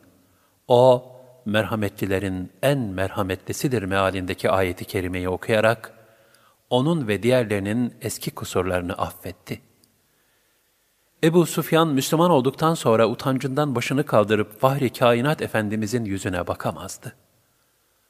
Alemlere rahmet olarak gönderilen Resul-i Ekrem sallallahu aleyhi ve sellem Efendimiz, Mekke'yi fethedip Kabe'ye girince, o sırada Kureyşliler Mescid-i Haram'a dolmuşlar, Kabe'nin çevresinde oturmuşlardı. Efendimiz sallallahu aleyhi ve sellemin ne yapacağını merakla bekliyorlardı. Allah Resulü sallallahu aleyhi ve sellem, Ey Kureyş cemaati! Ey Mekkeliler! Ne dersiniz? Şimdi hakkınızda benim ne yapacağımı sanırsınız diye sordu. Kureyşliler, biz senin hayır ve iyilik yapacağını düşünür ve sen hayır yapacaksın deriz. Sen kerem ve iyilik sahibi bir kardeş oğlusun. Güç ve kudrete kavuştun, bizlere iyi davran dediler. Bunun üzerine Peygamber Efendimiz aleyhissalatu vesselam, benim halimle sizin haliniz, Yusuf aleyhisselamla kardeşlerinin durumu gibi olacaktır. Yusuf'un kardeşlerine dediği gibi ben de, bugün size hiçbir başa kalkma ve ayıplama yoktur. Allah sizi bağışlasın.'' Çünkü O, merhamet edenlerin en merhametlisidir diyorum. Gidiniz, sizler azat ve serbestsiniz buyurdu. Yüce Allah, Kureyş müşriklerini Resulünün eline düşürmüş, kendisine boyun eğdirmiş, yıllarca müminlere çektirdikleri eziyetlerin intikamını alabilecek kudret bahşetmişken, o rahmet peygamberi onları bu şekilde affetmiş ve serbest bırakmıştır. Bunun içindir ki Mekkelilere tuleka, azat edilmişler isme verilmiştir. Bu hal aynı zamanda Cenab-ı Hakk'ın settarul uyub, yani ayıpları örtücülük ve kusurları affedicilik sıfatının kulundaki kamil bir tecellisidir. Şair Ziya Paşa Yusuf aleyhisselamla kardeşleri arasındaki bu hadiseyi şu şekilde mısralara dökmüştür. Zalimlere bir gün dedirir kudret-i Mevla, Tallahi lekad aserakallahu aleyna. Gömleğimi babamın gözlerine sürün. Yusuf aleyhisselam kardeşlerine sabah akşam ziyafet veriyordu. Kardeşleri ise daha önce ona yaptıklarını hatırlayarak, onun bu izzet-ü ikramı karşısında son derece mahcup oluyorlardı. Hazreti Yusuf'a bir adam göndererek dediler ki, sen bizi sabah akşam ziyafete davet ediyorsun. Fakat biz sana karşı yaptıklarımızdan dolayı senden utanıyoruz. Yusuf aleyhisselam da onlara şöyle cevap verdi. Mısırlılar şimdiye kadar bana hep ilk gördükleri gözlerle bakıyorlar. Ve 20 dirheme satılmış bir köleyi bu mertebeye yükselten Allah'ı tenzih ederiz diyorlardı. Şimdi ise sizin sayenizde şeref kazandım. Çünkü benim sizin kardeşiniz ve İbrahim aleyhisselam gibi büyük bir peygamberin torunu olduğumu anladılar. Yusuf aleyhisselam bu sözlerini fahretmek için değil, kardeşlerinin gönlünü almak, onları rahatlatmak ve mahcubiyetlerini hafifletmek için söylüyordu. Bu hal, onun affedicilik ve kerem sıfatlarının enginliğini ortaya koymaktaydı. Kardeşlerini böylesine engin bir merhametle affeden Hazreti Yusuf aleyhisselam, babasının gözlerinin şifa bulması için ona gömleğini gönderirken, kardeşlerine şöyle dedi. Benim şu gömleğimi götürün de babamın yüzüne sürün. O artık rahatlıkla görmeye başlar. Sonra da bütün ailenizi bana getirin. Yusuf 93 Kafile gömleği götürmek üzere Mısır'dan ayrılınca, babaları yanındakilere, eğer bana bunamış demezseniz, inanın ki şimdi Yusuf'un kokusunu alıyorum dedi. Onlar da, vallahi sen hala eski şaşkınlığındasın dediler. Yusuf 94-95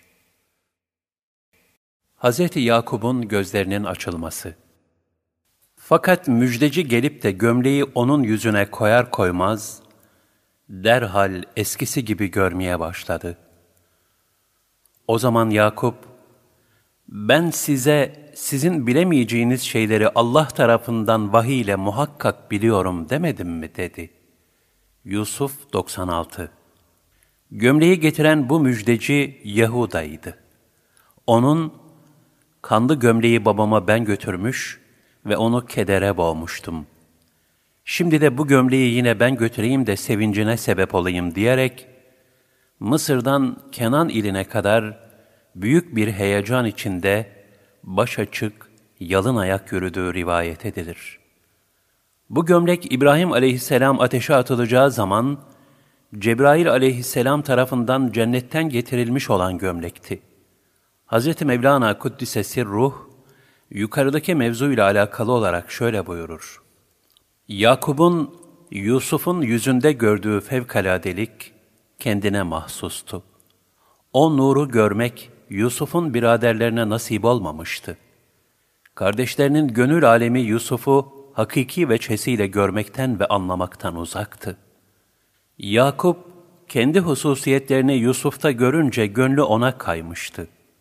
Yakup'ta Yusuf'un bir cazibesi vardı. Bundan dolayı Yusuf'un gömleğinin kokusu ona çok uzak bir yerden dahi ulaştı. Gömleği taşıyan kardeşi ise o kokuyu duymaktan mahrumdu. Çünkü Yusuf'un gömleği kardeşinin elinde bir emanetti. Kardeşi gömleği götürüp Hazreti Yakub'a teslim etmekle mükellefti. Yani o gömlek kardeşinin elinde köle tüccarı elinde bulunan mutena bir cariye gibiydi. Köle tüccarının nefsi için değildi, satıcıdan başkasına aitti. Çok alim vardır ki, irfandan nasibi yoktur. İlim hafızı olmuştur da, Allah'ın Habibi olamamıştır. Yusuf aleyhisselamın gömleğiyle Yakup aleyhisselamın gözlerinin açılması, eşya ile olan teberrük ve istianeye bir misal niteliğindedir. Ayet-i kerimede buyurulur. Oğulları dediler ki, Ey babamız! Allah'tan bizim günahlarımızın affını dile. Çünkü biz gerçekten günahkar olduk. Yakup da, sizin için bir müddet sonra Rabbimden af dileyeceğim. Hakikaten çok bağışlayan, ve çok merhamet eden ancak O'dur dedi. Yusuf 97-98 Yakup aleyhisselam, sizin için bir müddet sonra istiğfar edeceğim demek suretiyle, önce mazlum tarafından affedilmeleri gerektiğine işaret etmiştir. Nitekim onlar için istiğfarı da Hazreti Yusuf aleyhisselamla görüştükleri zamana kadar ertelemiştir.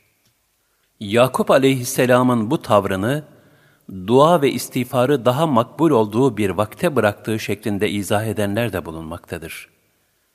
Nitekim Muharib bin Dessar'dan şöyle rivayet edilmiştir. Hazreti Ömer radıyallahu an bir seher vakti mescide geldiğinde birinin Allah'ım çağırdın, icabet ettim. Emrettin, itaat ettim. İşte şu seher vakti beni bağışla dediğini işitti. Hazreti Ömer radıyallahu an sese kulak verdi ve sesin Abdullah İbni Mesud radıyallahu anh'ten geldiğini anladı. Durumu Abdullah'a sorunca şöyle dedi. Şüphesiz Yakup aleyhisselam oğullarına sizin için bir müddet sonra istiğfar edeceğim diyerek istiğfarını seher vaktine tehir etmiştir. Nitekim Allah Teala seherlerde istiğfar edenler ayetiyle böylelerini metheder. Bu rivayette de Resulullah sallallahu aleyhi ve sellem şöyle buyurmuşlardır. Rabbimiz her gece dünya semasına iner ve tevbe eden yok mu onun tevbesini kabul edeyim? İsteyen yok mu ona istediğini vereyim? İstiğfar eden yok mu onu bağışlayayım diye nida eder. Diğer bir hadisi şerifte ise Hz. Yakup oğulları için istiğfar etmeyi cuma gecesine tehir etmiştir buyurulmaktadır. Vuslat ve gerçekleşen rüya Hz. Yusuf'la beraber hükümdar ve bütün halk, Hz. Yakup ve aile efradını karşılamaya çıkmışlar, saf tutmuşlardı. Karşı karşıya geldiklerinde Hz. Yakup, Hz. Yusuf ve orada bulunanlar atlarından indiler ve iki peygamber birbirini hasretle kucakladı. Allah Teala şöyle buyurur. Hep beraber Mısır'a gidip Yusuf'un yanına girdikleri zaman o, ana ve babasını kucakladı. Onları yanına aldı ve Allah'ın iradesiyle hepiniz emniyet içinde Mısır'a girin dedi. Yusuf 99 Büyük mükafatlar daima büyük sabırların, musibetlerin ve iptilaların arkasından gelir. Hz. Yakup aleyhisselam bu kavuşmanın hemen ardından ellerini kaldırıp Allah'a şükrederek şöyle dua etti. Allah'ım, Yusuf için feryatlarımı, onun ayrılığından dolayı sabrımın azlığını ve oğullarımın kardeşlerine yaptıklarını mağfiret eyle. Hz. Yusuf da büyük bir şükür ve hamd halindeydi. Anne ve babasını tahtının üstüne çıkartıp oturttu ve hepsi onun için, ona kavuştukları için secdeye kapandılar. Yusuf dedi ki, ey babacığım, işte bu, daha önce gördüğüm rüyanın tahakkuk etmesidir. Gerçekten Rabbim onu doğru çıkardı. Hakikaten Rabbim bana çok şey lütfetti. Çünkü beni zindandan çıkardı ve şeytan benimle kardeşlerimin arasını bozduktan sonra sizi çölden getirdi. Şüphesiz ki Rabbim dilediğine lütfedicidir. Şüphesiz ki O çok iyi bilendir, hikmet sahibidir. Yusuf 100 Hz. Yusuf aleyhisselam, Allah'ın kendisine lütfettiği nimetlerin kemale erdiğini görünce, bu dünyanın karar kılınacak mekan olmadığını, burada bulunan her şeyin fani olduğunu ve kemalden sonra zevalin geleceğini anlamıştı. Kendisine lütfedilen büyük nimetleri zikrederek, Rabbine gücü nispetinde şükür ve niyazda bulunmaya devam etti. Ey Rabbim! Mülkten bana nasibimi verdin ve bana rüyada görülen hadiselerin tabirini de öğrettin. Ey gökleri ve yeri yaratan! Sen dünyada da ahirette de benim sahibimsin. Benim canımı Müslüman olarak al ve beni salihler zümresine ilhak eyle. Yusuf 101 Dikkat edilirse bu ayet-i kerimelerde Yusuf aleyhisselam, bütün müminlere örnek teşkil edecek güzel davranışlar sergilemektedir. Canına kastederek kendisini kuyuya atan kardeşlerinden intikam alabilecek kuvvet ve iktidar sahibi olduğu halde, onlara gösterdiği âli cenaplık, nezaket, olgunluk ve müsamaha, ahlaki kemalatın zirvelerine işaret etmektedir. O, kölelikten sultanlığa yükselişini hep Allah'ın lütfuna bağlamış ve nefsine en ufak bir pay dahi çıkarmamıştır. Kardeşleri tarafından şahsına karşı yapılan en kötü hareketi bile tevile gayret etmiş ve hatayı şeytana nispet ederek kusurlarını yüzlerine vurmamıştır.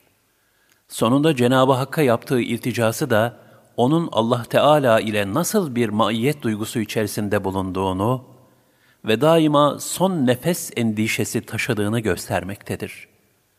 Tasavvufun en esaslı düsturlarından biri olan salihlerle beraber olma hassasiyetinin en bariz bir misalini Yusuf aleyhisselamın bu duasında görmekteyiz.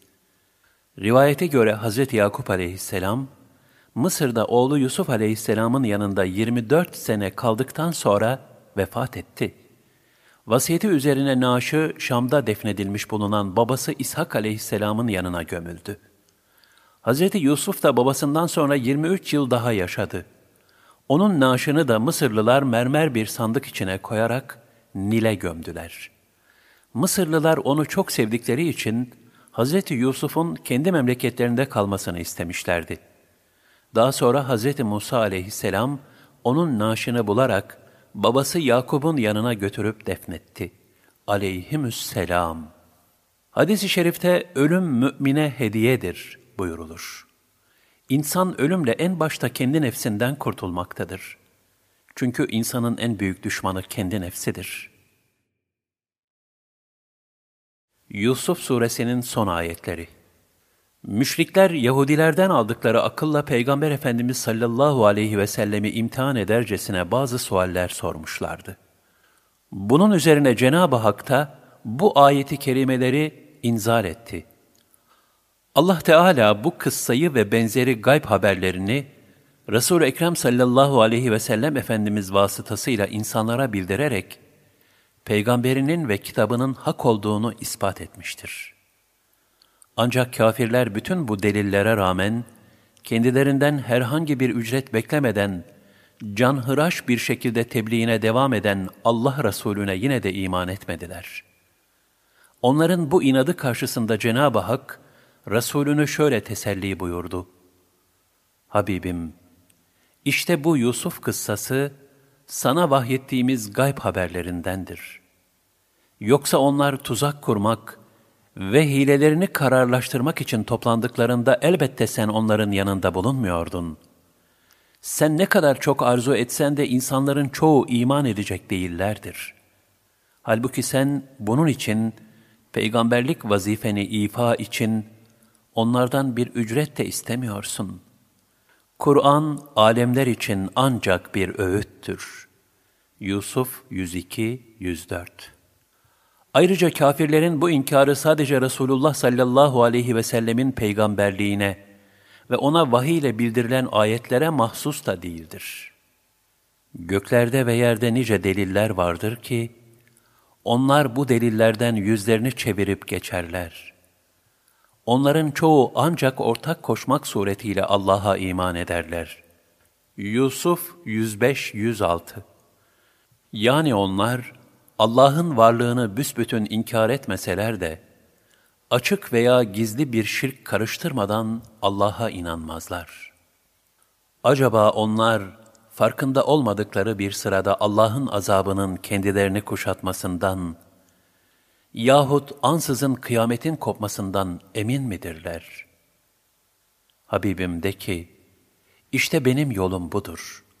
Ben insanları Allah'ın yoluna, düşünmeksizin, taklit yoluyla değil, delile dayanarak, idraklerine hitap ederek davet ediyorum.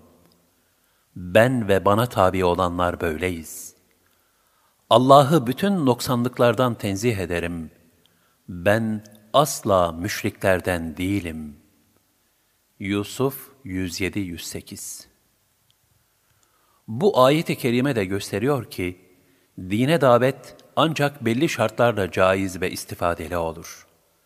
Yani körü körüne ve bir takım batıl maksatlar için veya nefsani hevesler uğruna değil, basiret üzere, ne dediğini bilerek, ihlas ve samimiyetle, edep, nezaket ve hikmet çerçevesinde ancak Allah rızası gözetilerek tebliğde bulunulmalıdır. Yoksa din ve dindarlık sırf bir isimden ve boş bir iddiadan ibaret kalır.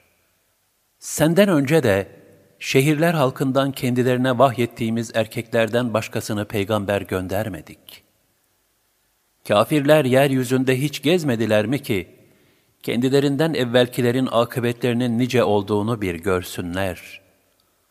Allah'ın emirlerine tam uyanlar için ahiret yurdu elbette daha hayırlıdır.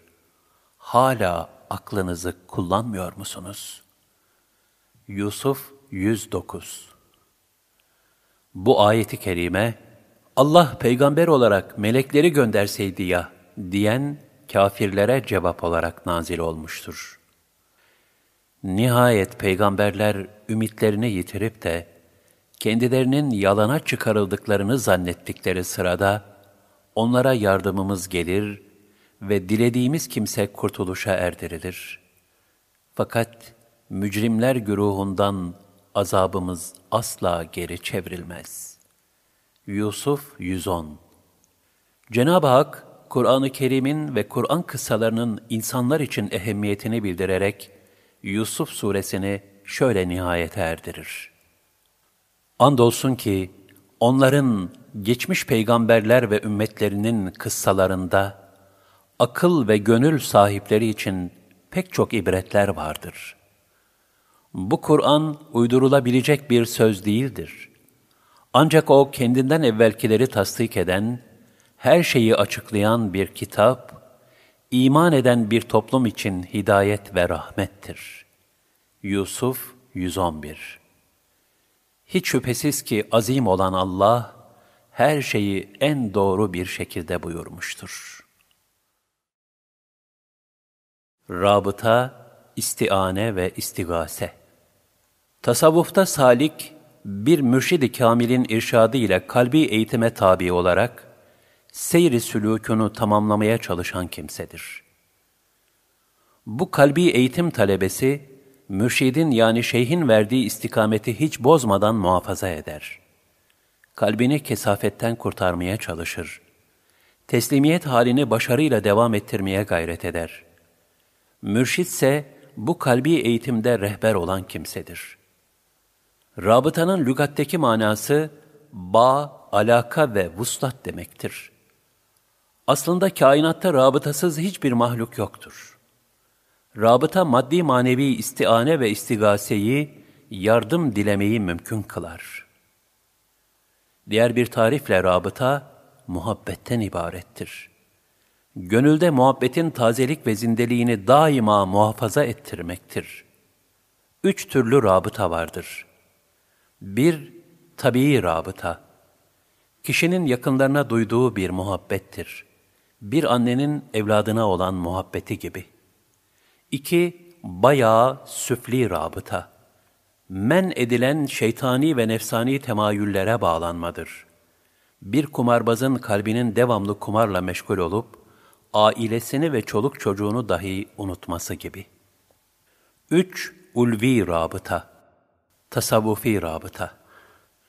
Mukaddes mefhumlara ve ulvi duygularla insanı Allah'a yönlendiren vesile ve vasıtalara rabıtadır.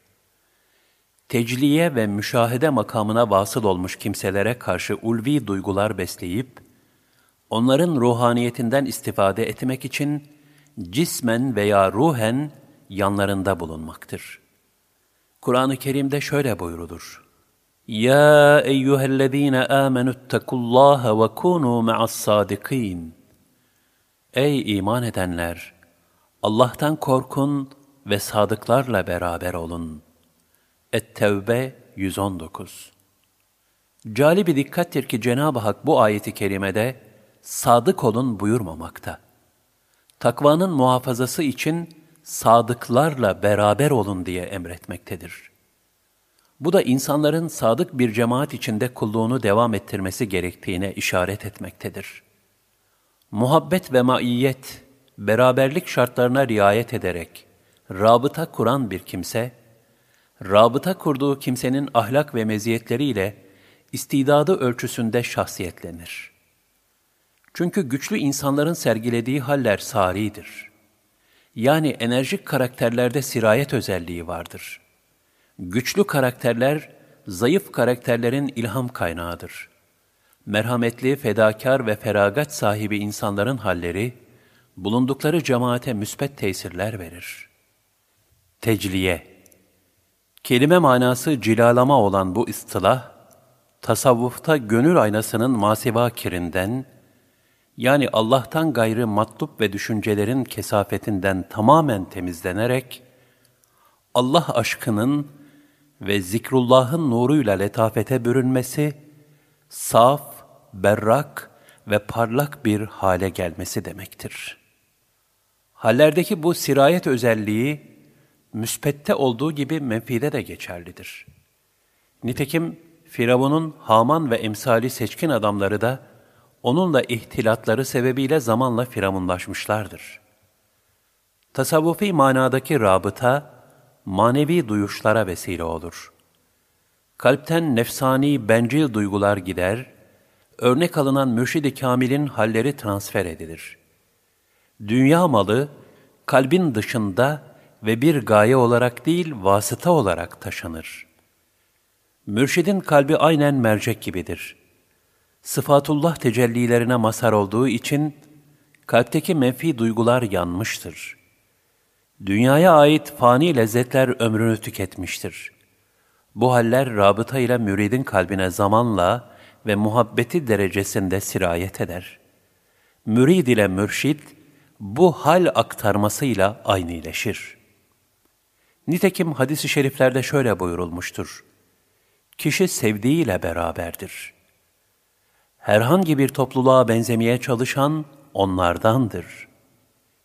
İmam-ı Gazali Kuddisesi Ruh, namaz kılan kimsede kalp huzurunun şart olduğunu beyan buyurduktan sonra, ilk ve son oturuşta Peygamber sallallahu aleyhi ve sellemi kalp gözleri arasında tahayyül etmek lazımdır diyerek, Peygamberimiz sallallahu aleyhi ve sellemle yapılacak rabıtaya dikkat çekmiştir. Hal inikasları Yukarıda da ifade ettiğimiz üzere haller saridir. Bu sirayetlerin belli başlı tahakkuk şekillerini şöyle sıralayabiliriz. Bir, nazar, manevi bakış. Peygamberler ve Evliyaullah'ın nazarıdır. Hz. Peygamber sallallahu aleyhi ve sellem Efendimiz buyururlar. Müminin firasetinden sakınınız. Çünkü o Allah'ın nuruyla bakar. Selim bir kalbe sahip olan kişinin nazarı, müspet hal aktarmasına vesile olur. Kalbindeki feyz, nazar edilenin kalbine akseder. Ashab-ı kiram Resulullah sallallahu aleyhi ve sellemin sohbetlerinde bulunup, onun mübarek nazarlarına muhatap oldukları için, ümmet nezdinde en yüce makam olan sahabilik rütbesine nail olmuşlardır. Bu yüzden Hz. Peygamber sallallahu aleyhi ve sellemin bu nebevi nazarlarına nail olamayan müminlerin, sahabilik makamına ermeleri mümkün değildir. 2. Söz Nefsini teskiye ve kalbini tasfiye etmiş bir kimsenin sözlerinde, yaşadığı halin duyguları yüklüdür. Bu duygularla söylenen sözler muhatabına tesir eder. 3. Sohbet Sohbet meclislerinde zahiri beraberlik de vardır. Kalplerdeki farklı tecelliler o mecliste bulunanlara akseder. Güçlü karakterler zayıfların ilham kaynağıdır. Zayıf olanlar onlardan bir bakıma manevi enerji alırlar. 4. Gıda bakiyesiyle teberrük Muhtelif zaman ve mekanlarda sahabe Resulullah sallallahu aleyhi ve sellemin mübarek gıda bakiyeleriyle bereket bulmuşlardır.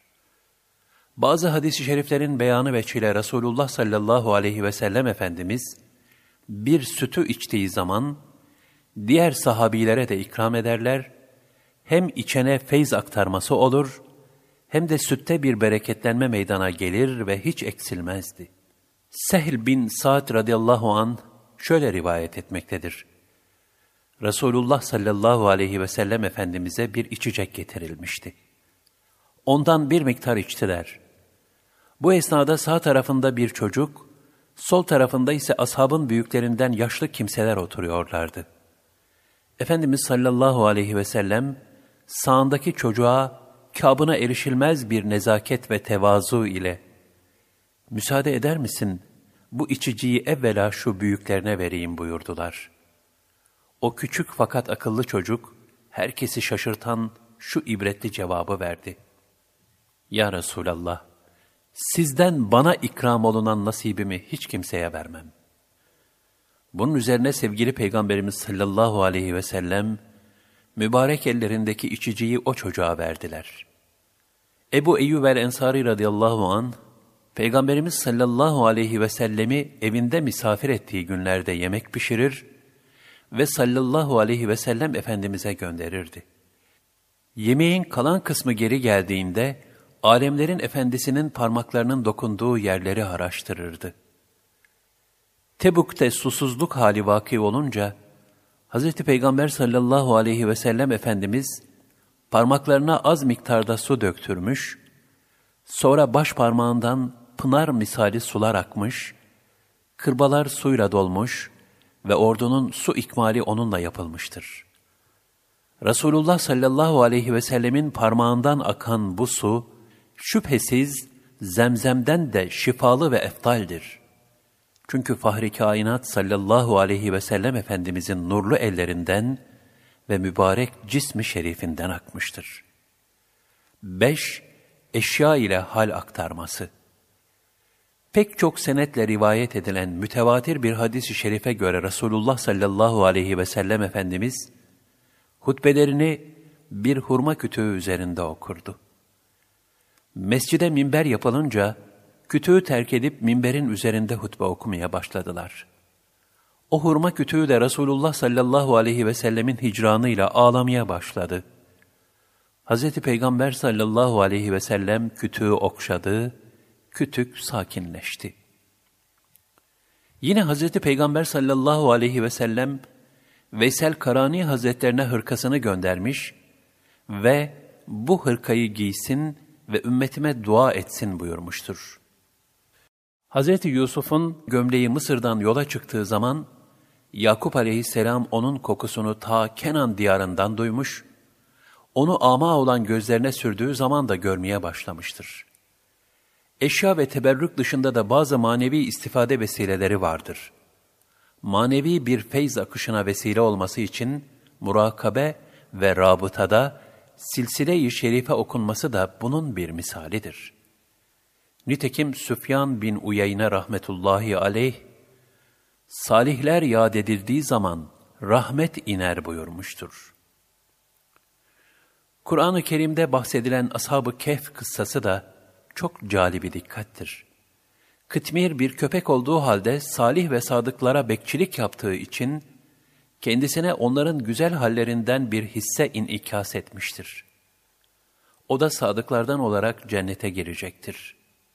Bir köpek, Hakk'ın salih ve sadık kullarından ayrılmayıp onlara sadakatle bekçilik etmek suretiyle bu dereceye çıkarsa, hakiki bir müminin de Allah dostlarına samimiyetle bağlanarak manen büyük ölçüde terakki edeceği muhakkaktır.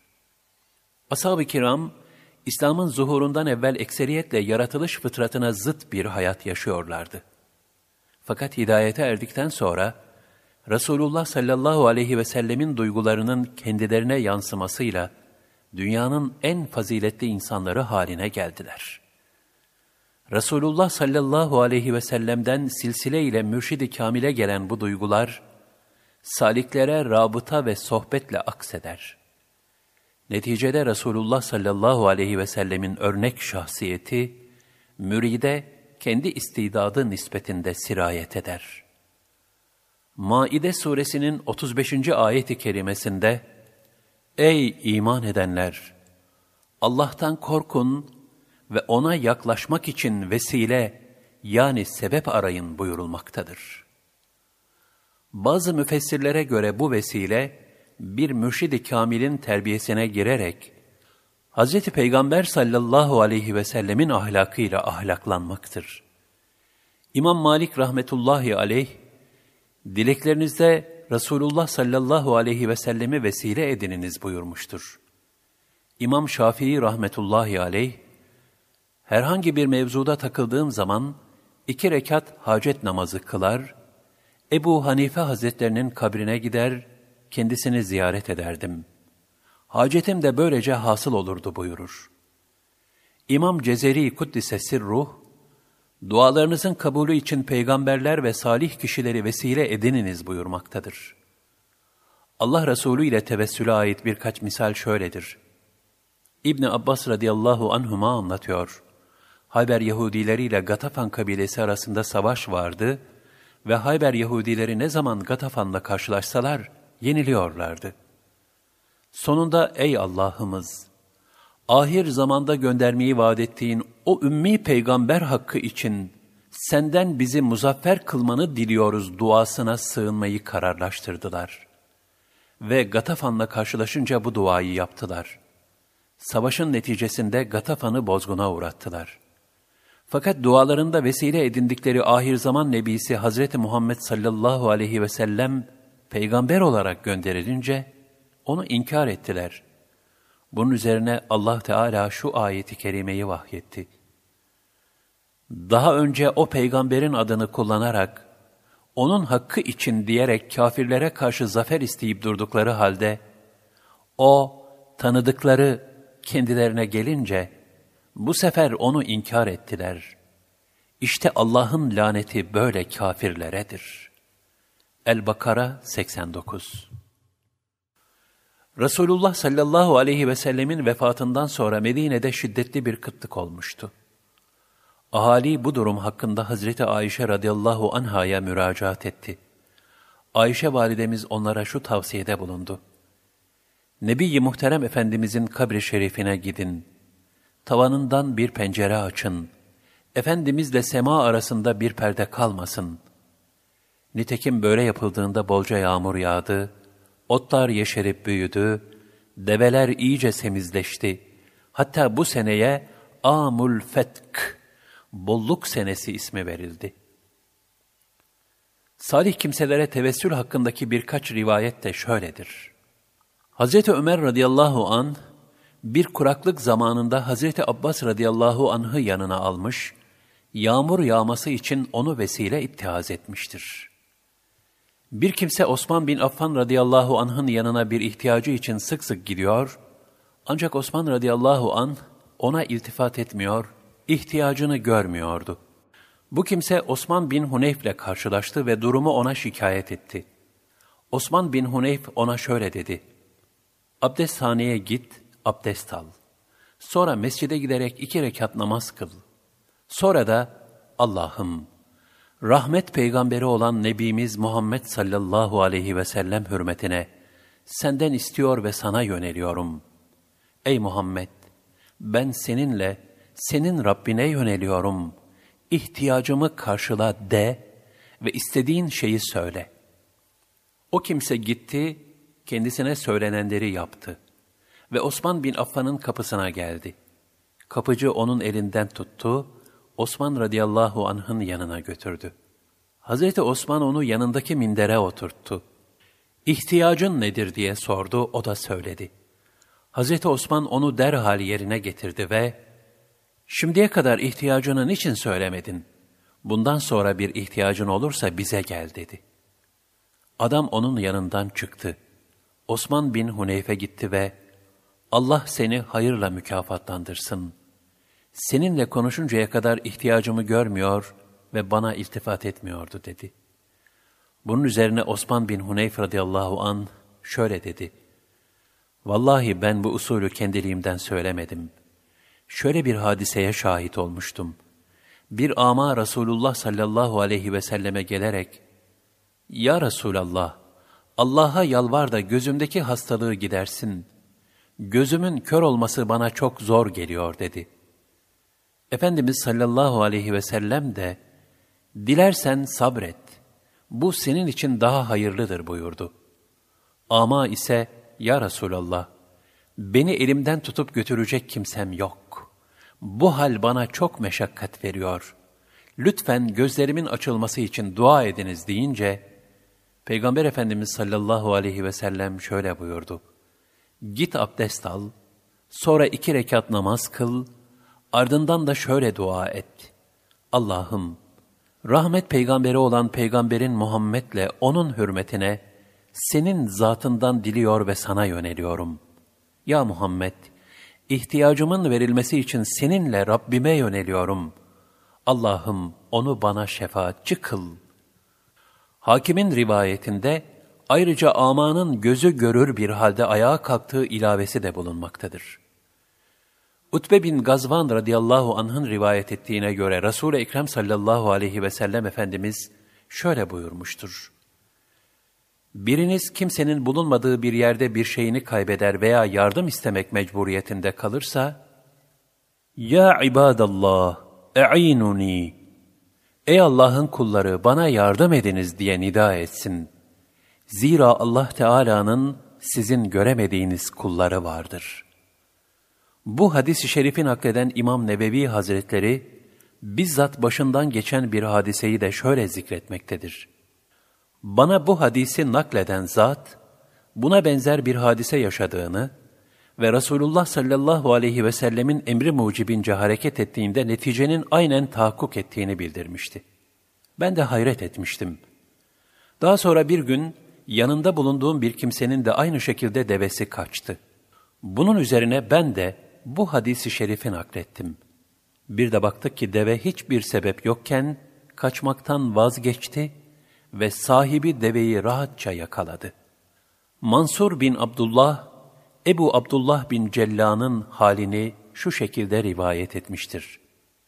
İbni Cella der ki, Medine-i Münevvere'ye gelmiştim. Yoksulluk içindeydim. Resulullah sallallahu aleyhi ve sellemin kabri şerifine vardım, selam verdim ve Ey Allah'ın Resulü, fakr zaruret içindeyim. Sana misafir oldum dedim. Bir müddet sonra üzerime uyku hali geldi.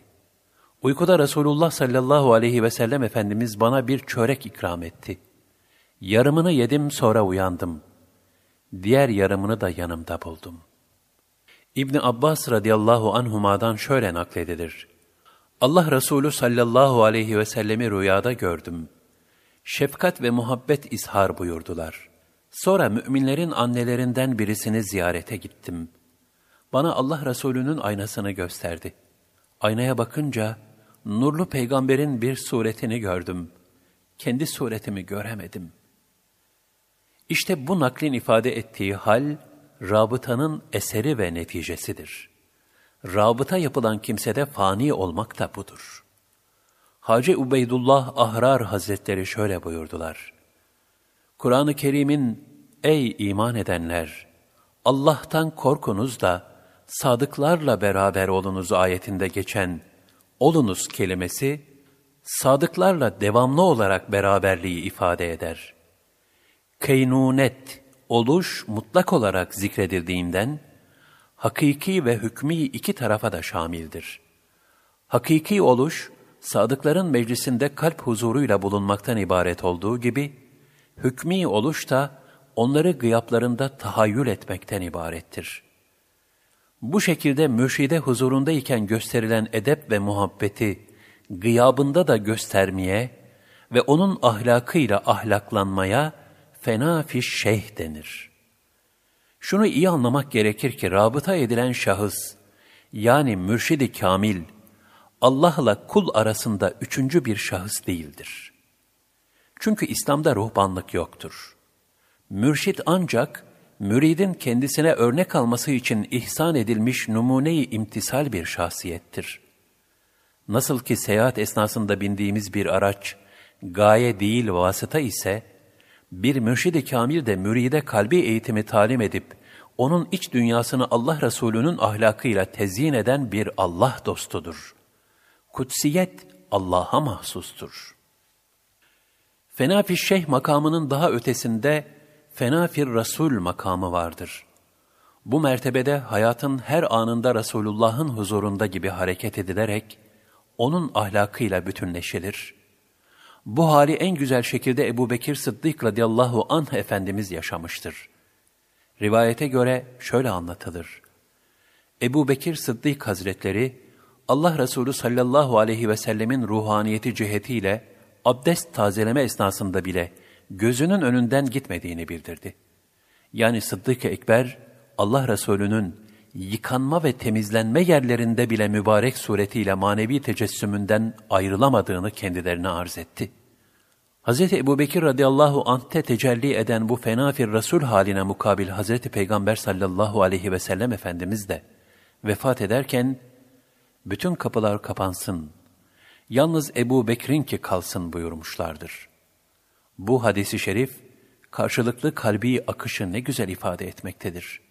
Bu manevi akışın neticesi de وَهُوَ مَعَكُمْ اَيْنَمَا كُنْتُمْ Nerede olursanız olun, o sizinle beraberdir. El-Hadid 4 Ve nahnu akrabu ileyhi min hablil verid. Biz insanoğluna şah damarından daha yakınız. Kaf 16 ayetlerinin sırrına nailiyet ve fena fillah makamının tecellisine mazhariyettir. Rabıtanın Kur'an-ı Kerim'deki diğer bir delili de şu ayet-i kerimedir. Doğrusu hanım ona, Yusuf'a sahip olmayı iyice aklına koymuş ve buna meyletmişti. Eğer Rabbinin bürhanını görmeseydi, o da kadına meyledecekti. İşte böylece biz fenalığı ve fuhşu ondan uzaklaştırmak için bürhanımızı gösterdik. Çünkü o, bizim tam ihlasa erdirilmiş kullarımızdandı. Yusuf 24 Bu ayetin tefsirinde müfessirler, eğer Rabbinin bürhanını görmeseydi ifadesindeki bürhanı şöyle açıklamaktadırlar. Bürhandan maksat, kadının tehlikeli meyli karşısında Yakup aleyhisselamın suretinin bir anda Yusuf'un gözünün önünde canlanıp, parmağı ağzında olduğu halde ve hayretle ona, aman kendine sahip ol, ondan yüz çevir diye hitap etmesidir. Nitekim babasının bu şekilde gözünün önünde canlanıp kendisini ikaz ettiğini gören Yusuf aleyhisselam toparlanmış ve o çirkin işten sakınmıştır. Rabıta bu ayeti kerimenin tefsirinde açıklandığı üzere Hz. Yusuf'un Yakup aleyhisselamın hayalini görmesi gibi müridin de şeyhinin hayalini ve hallerini gözünde ve gönlünde taşımasıdır. Hz. Peygamber sallallahu aleyhi ve selleme salatü selam getirerek gönülde bir sevgi bağı oluşturmak da bir tür rabıtadır. Beşer idrakinin mücerreti görmesi veya hissetmesi, onu bir eşyaya veya şekle nispet etmeden kolay kolay gerçekleşmez. İlim alimde, aşk aşıkta ve sanatta sanatkarda sergilenir. Mücerreti sergisiz takdim imkansızdır. Usta çırak, hoca talebe vesaire gibi bütün münasebetler yine rabıta ile alakalıdır. Rabıta ile mürşit kalbindeki manevi hususiyetleri salike ilka eder. Nasıl fiziki beraberlikte mürşid-i kamilin yanında edeben ulvi duygularla bulunulursa, o hali manevi beraberlikte de, yani gıyaplarında da devam ettirmek, rabıtanın hakikatine erişmektir. Çünkü her zaman Allah dostlarıyla zahiri beraberlik mümkün olmayabilir. Rabıta, Allah dostlarının silsilesiyle Hz. Peygamber'den feyz akışını sağlar. Muttasılan elektriğe kapılan insanlar gibi, en sondaki de istidadına göre aynı akımı alır. Rabıta neticesinde manevi yardım gelir. Buna da istiane ve istigase denir.''